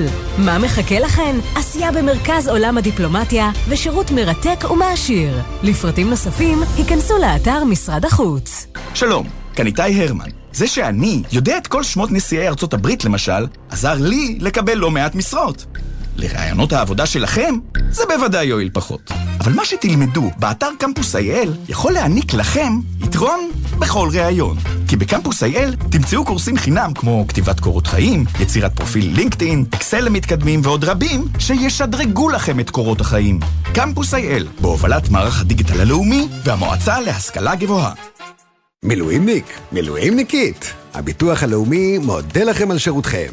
חשוב שתדעו, אם שירתם במילואים בשנה שעברה ושכרכם עלה, ייתכן שאתם זכאים לתוספת לתגמול המילואים בהתאם לשכרכם מחדש. שימו לב, הביטוח הלאומי משלם את התוספת מ-1 בינואר 2022.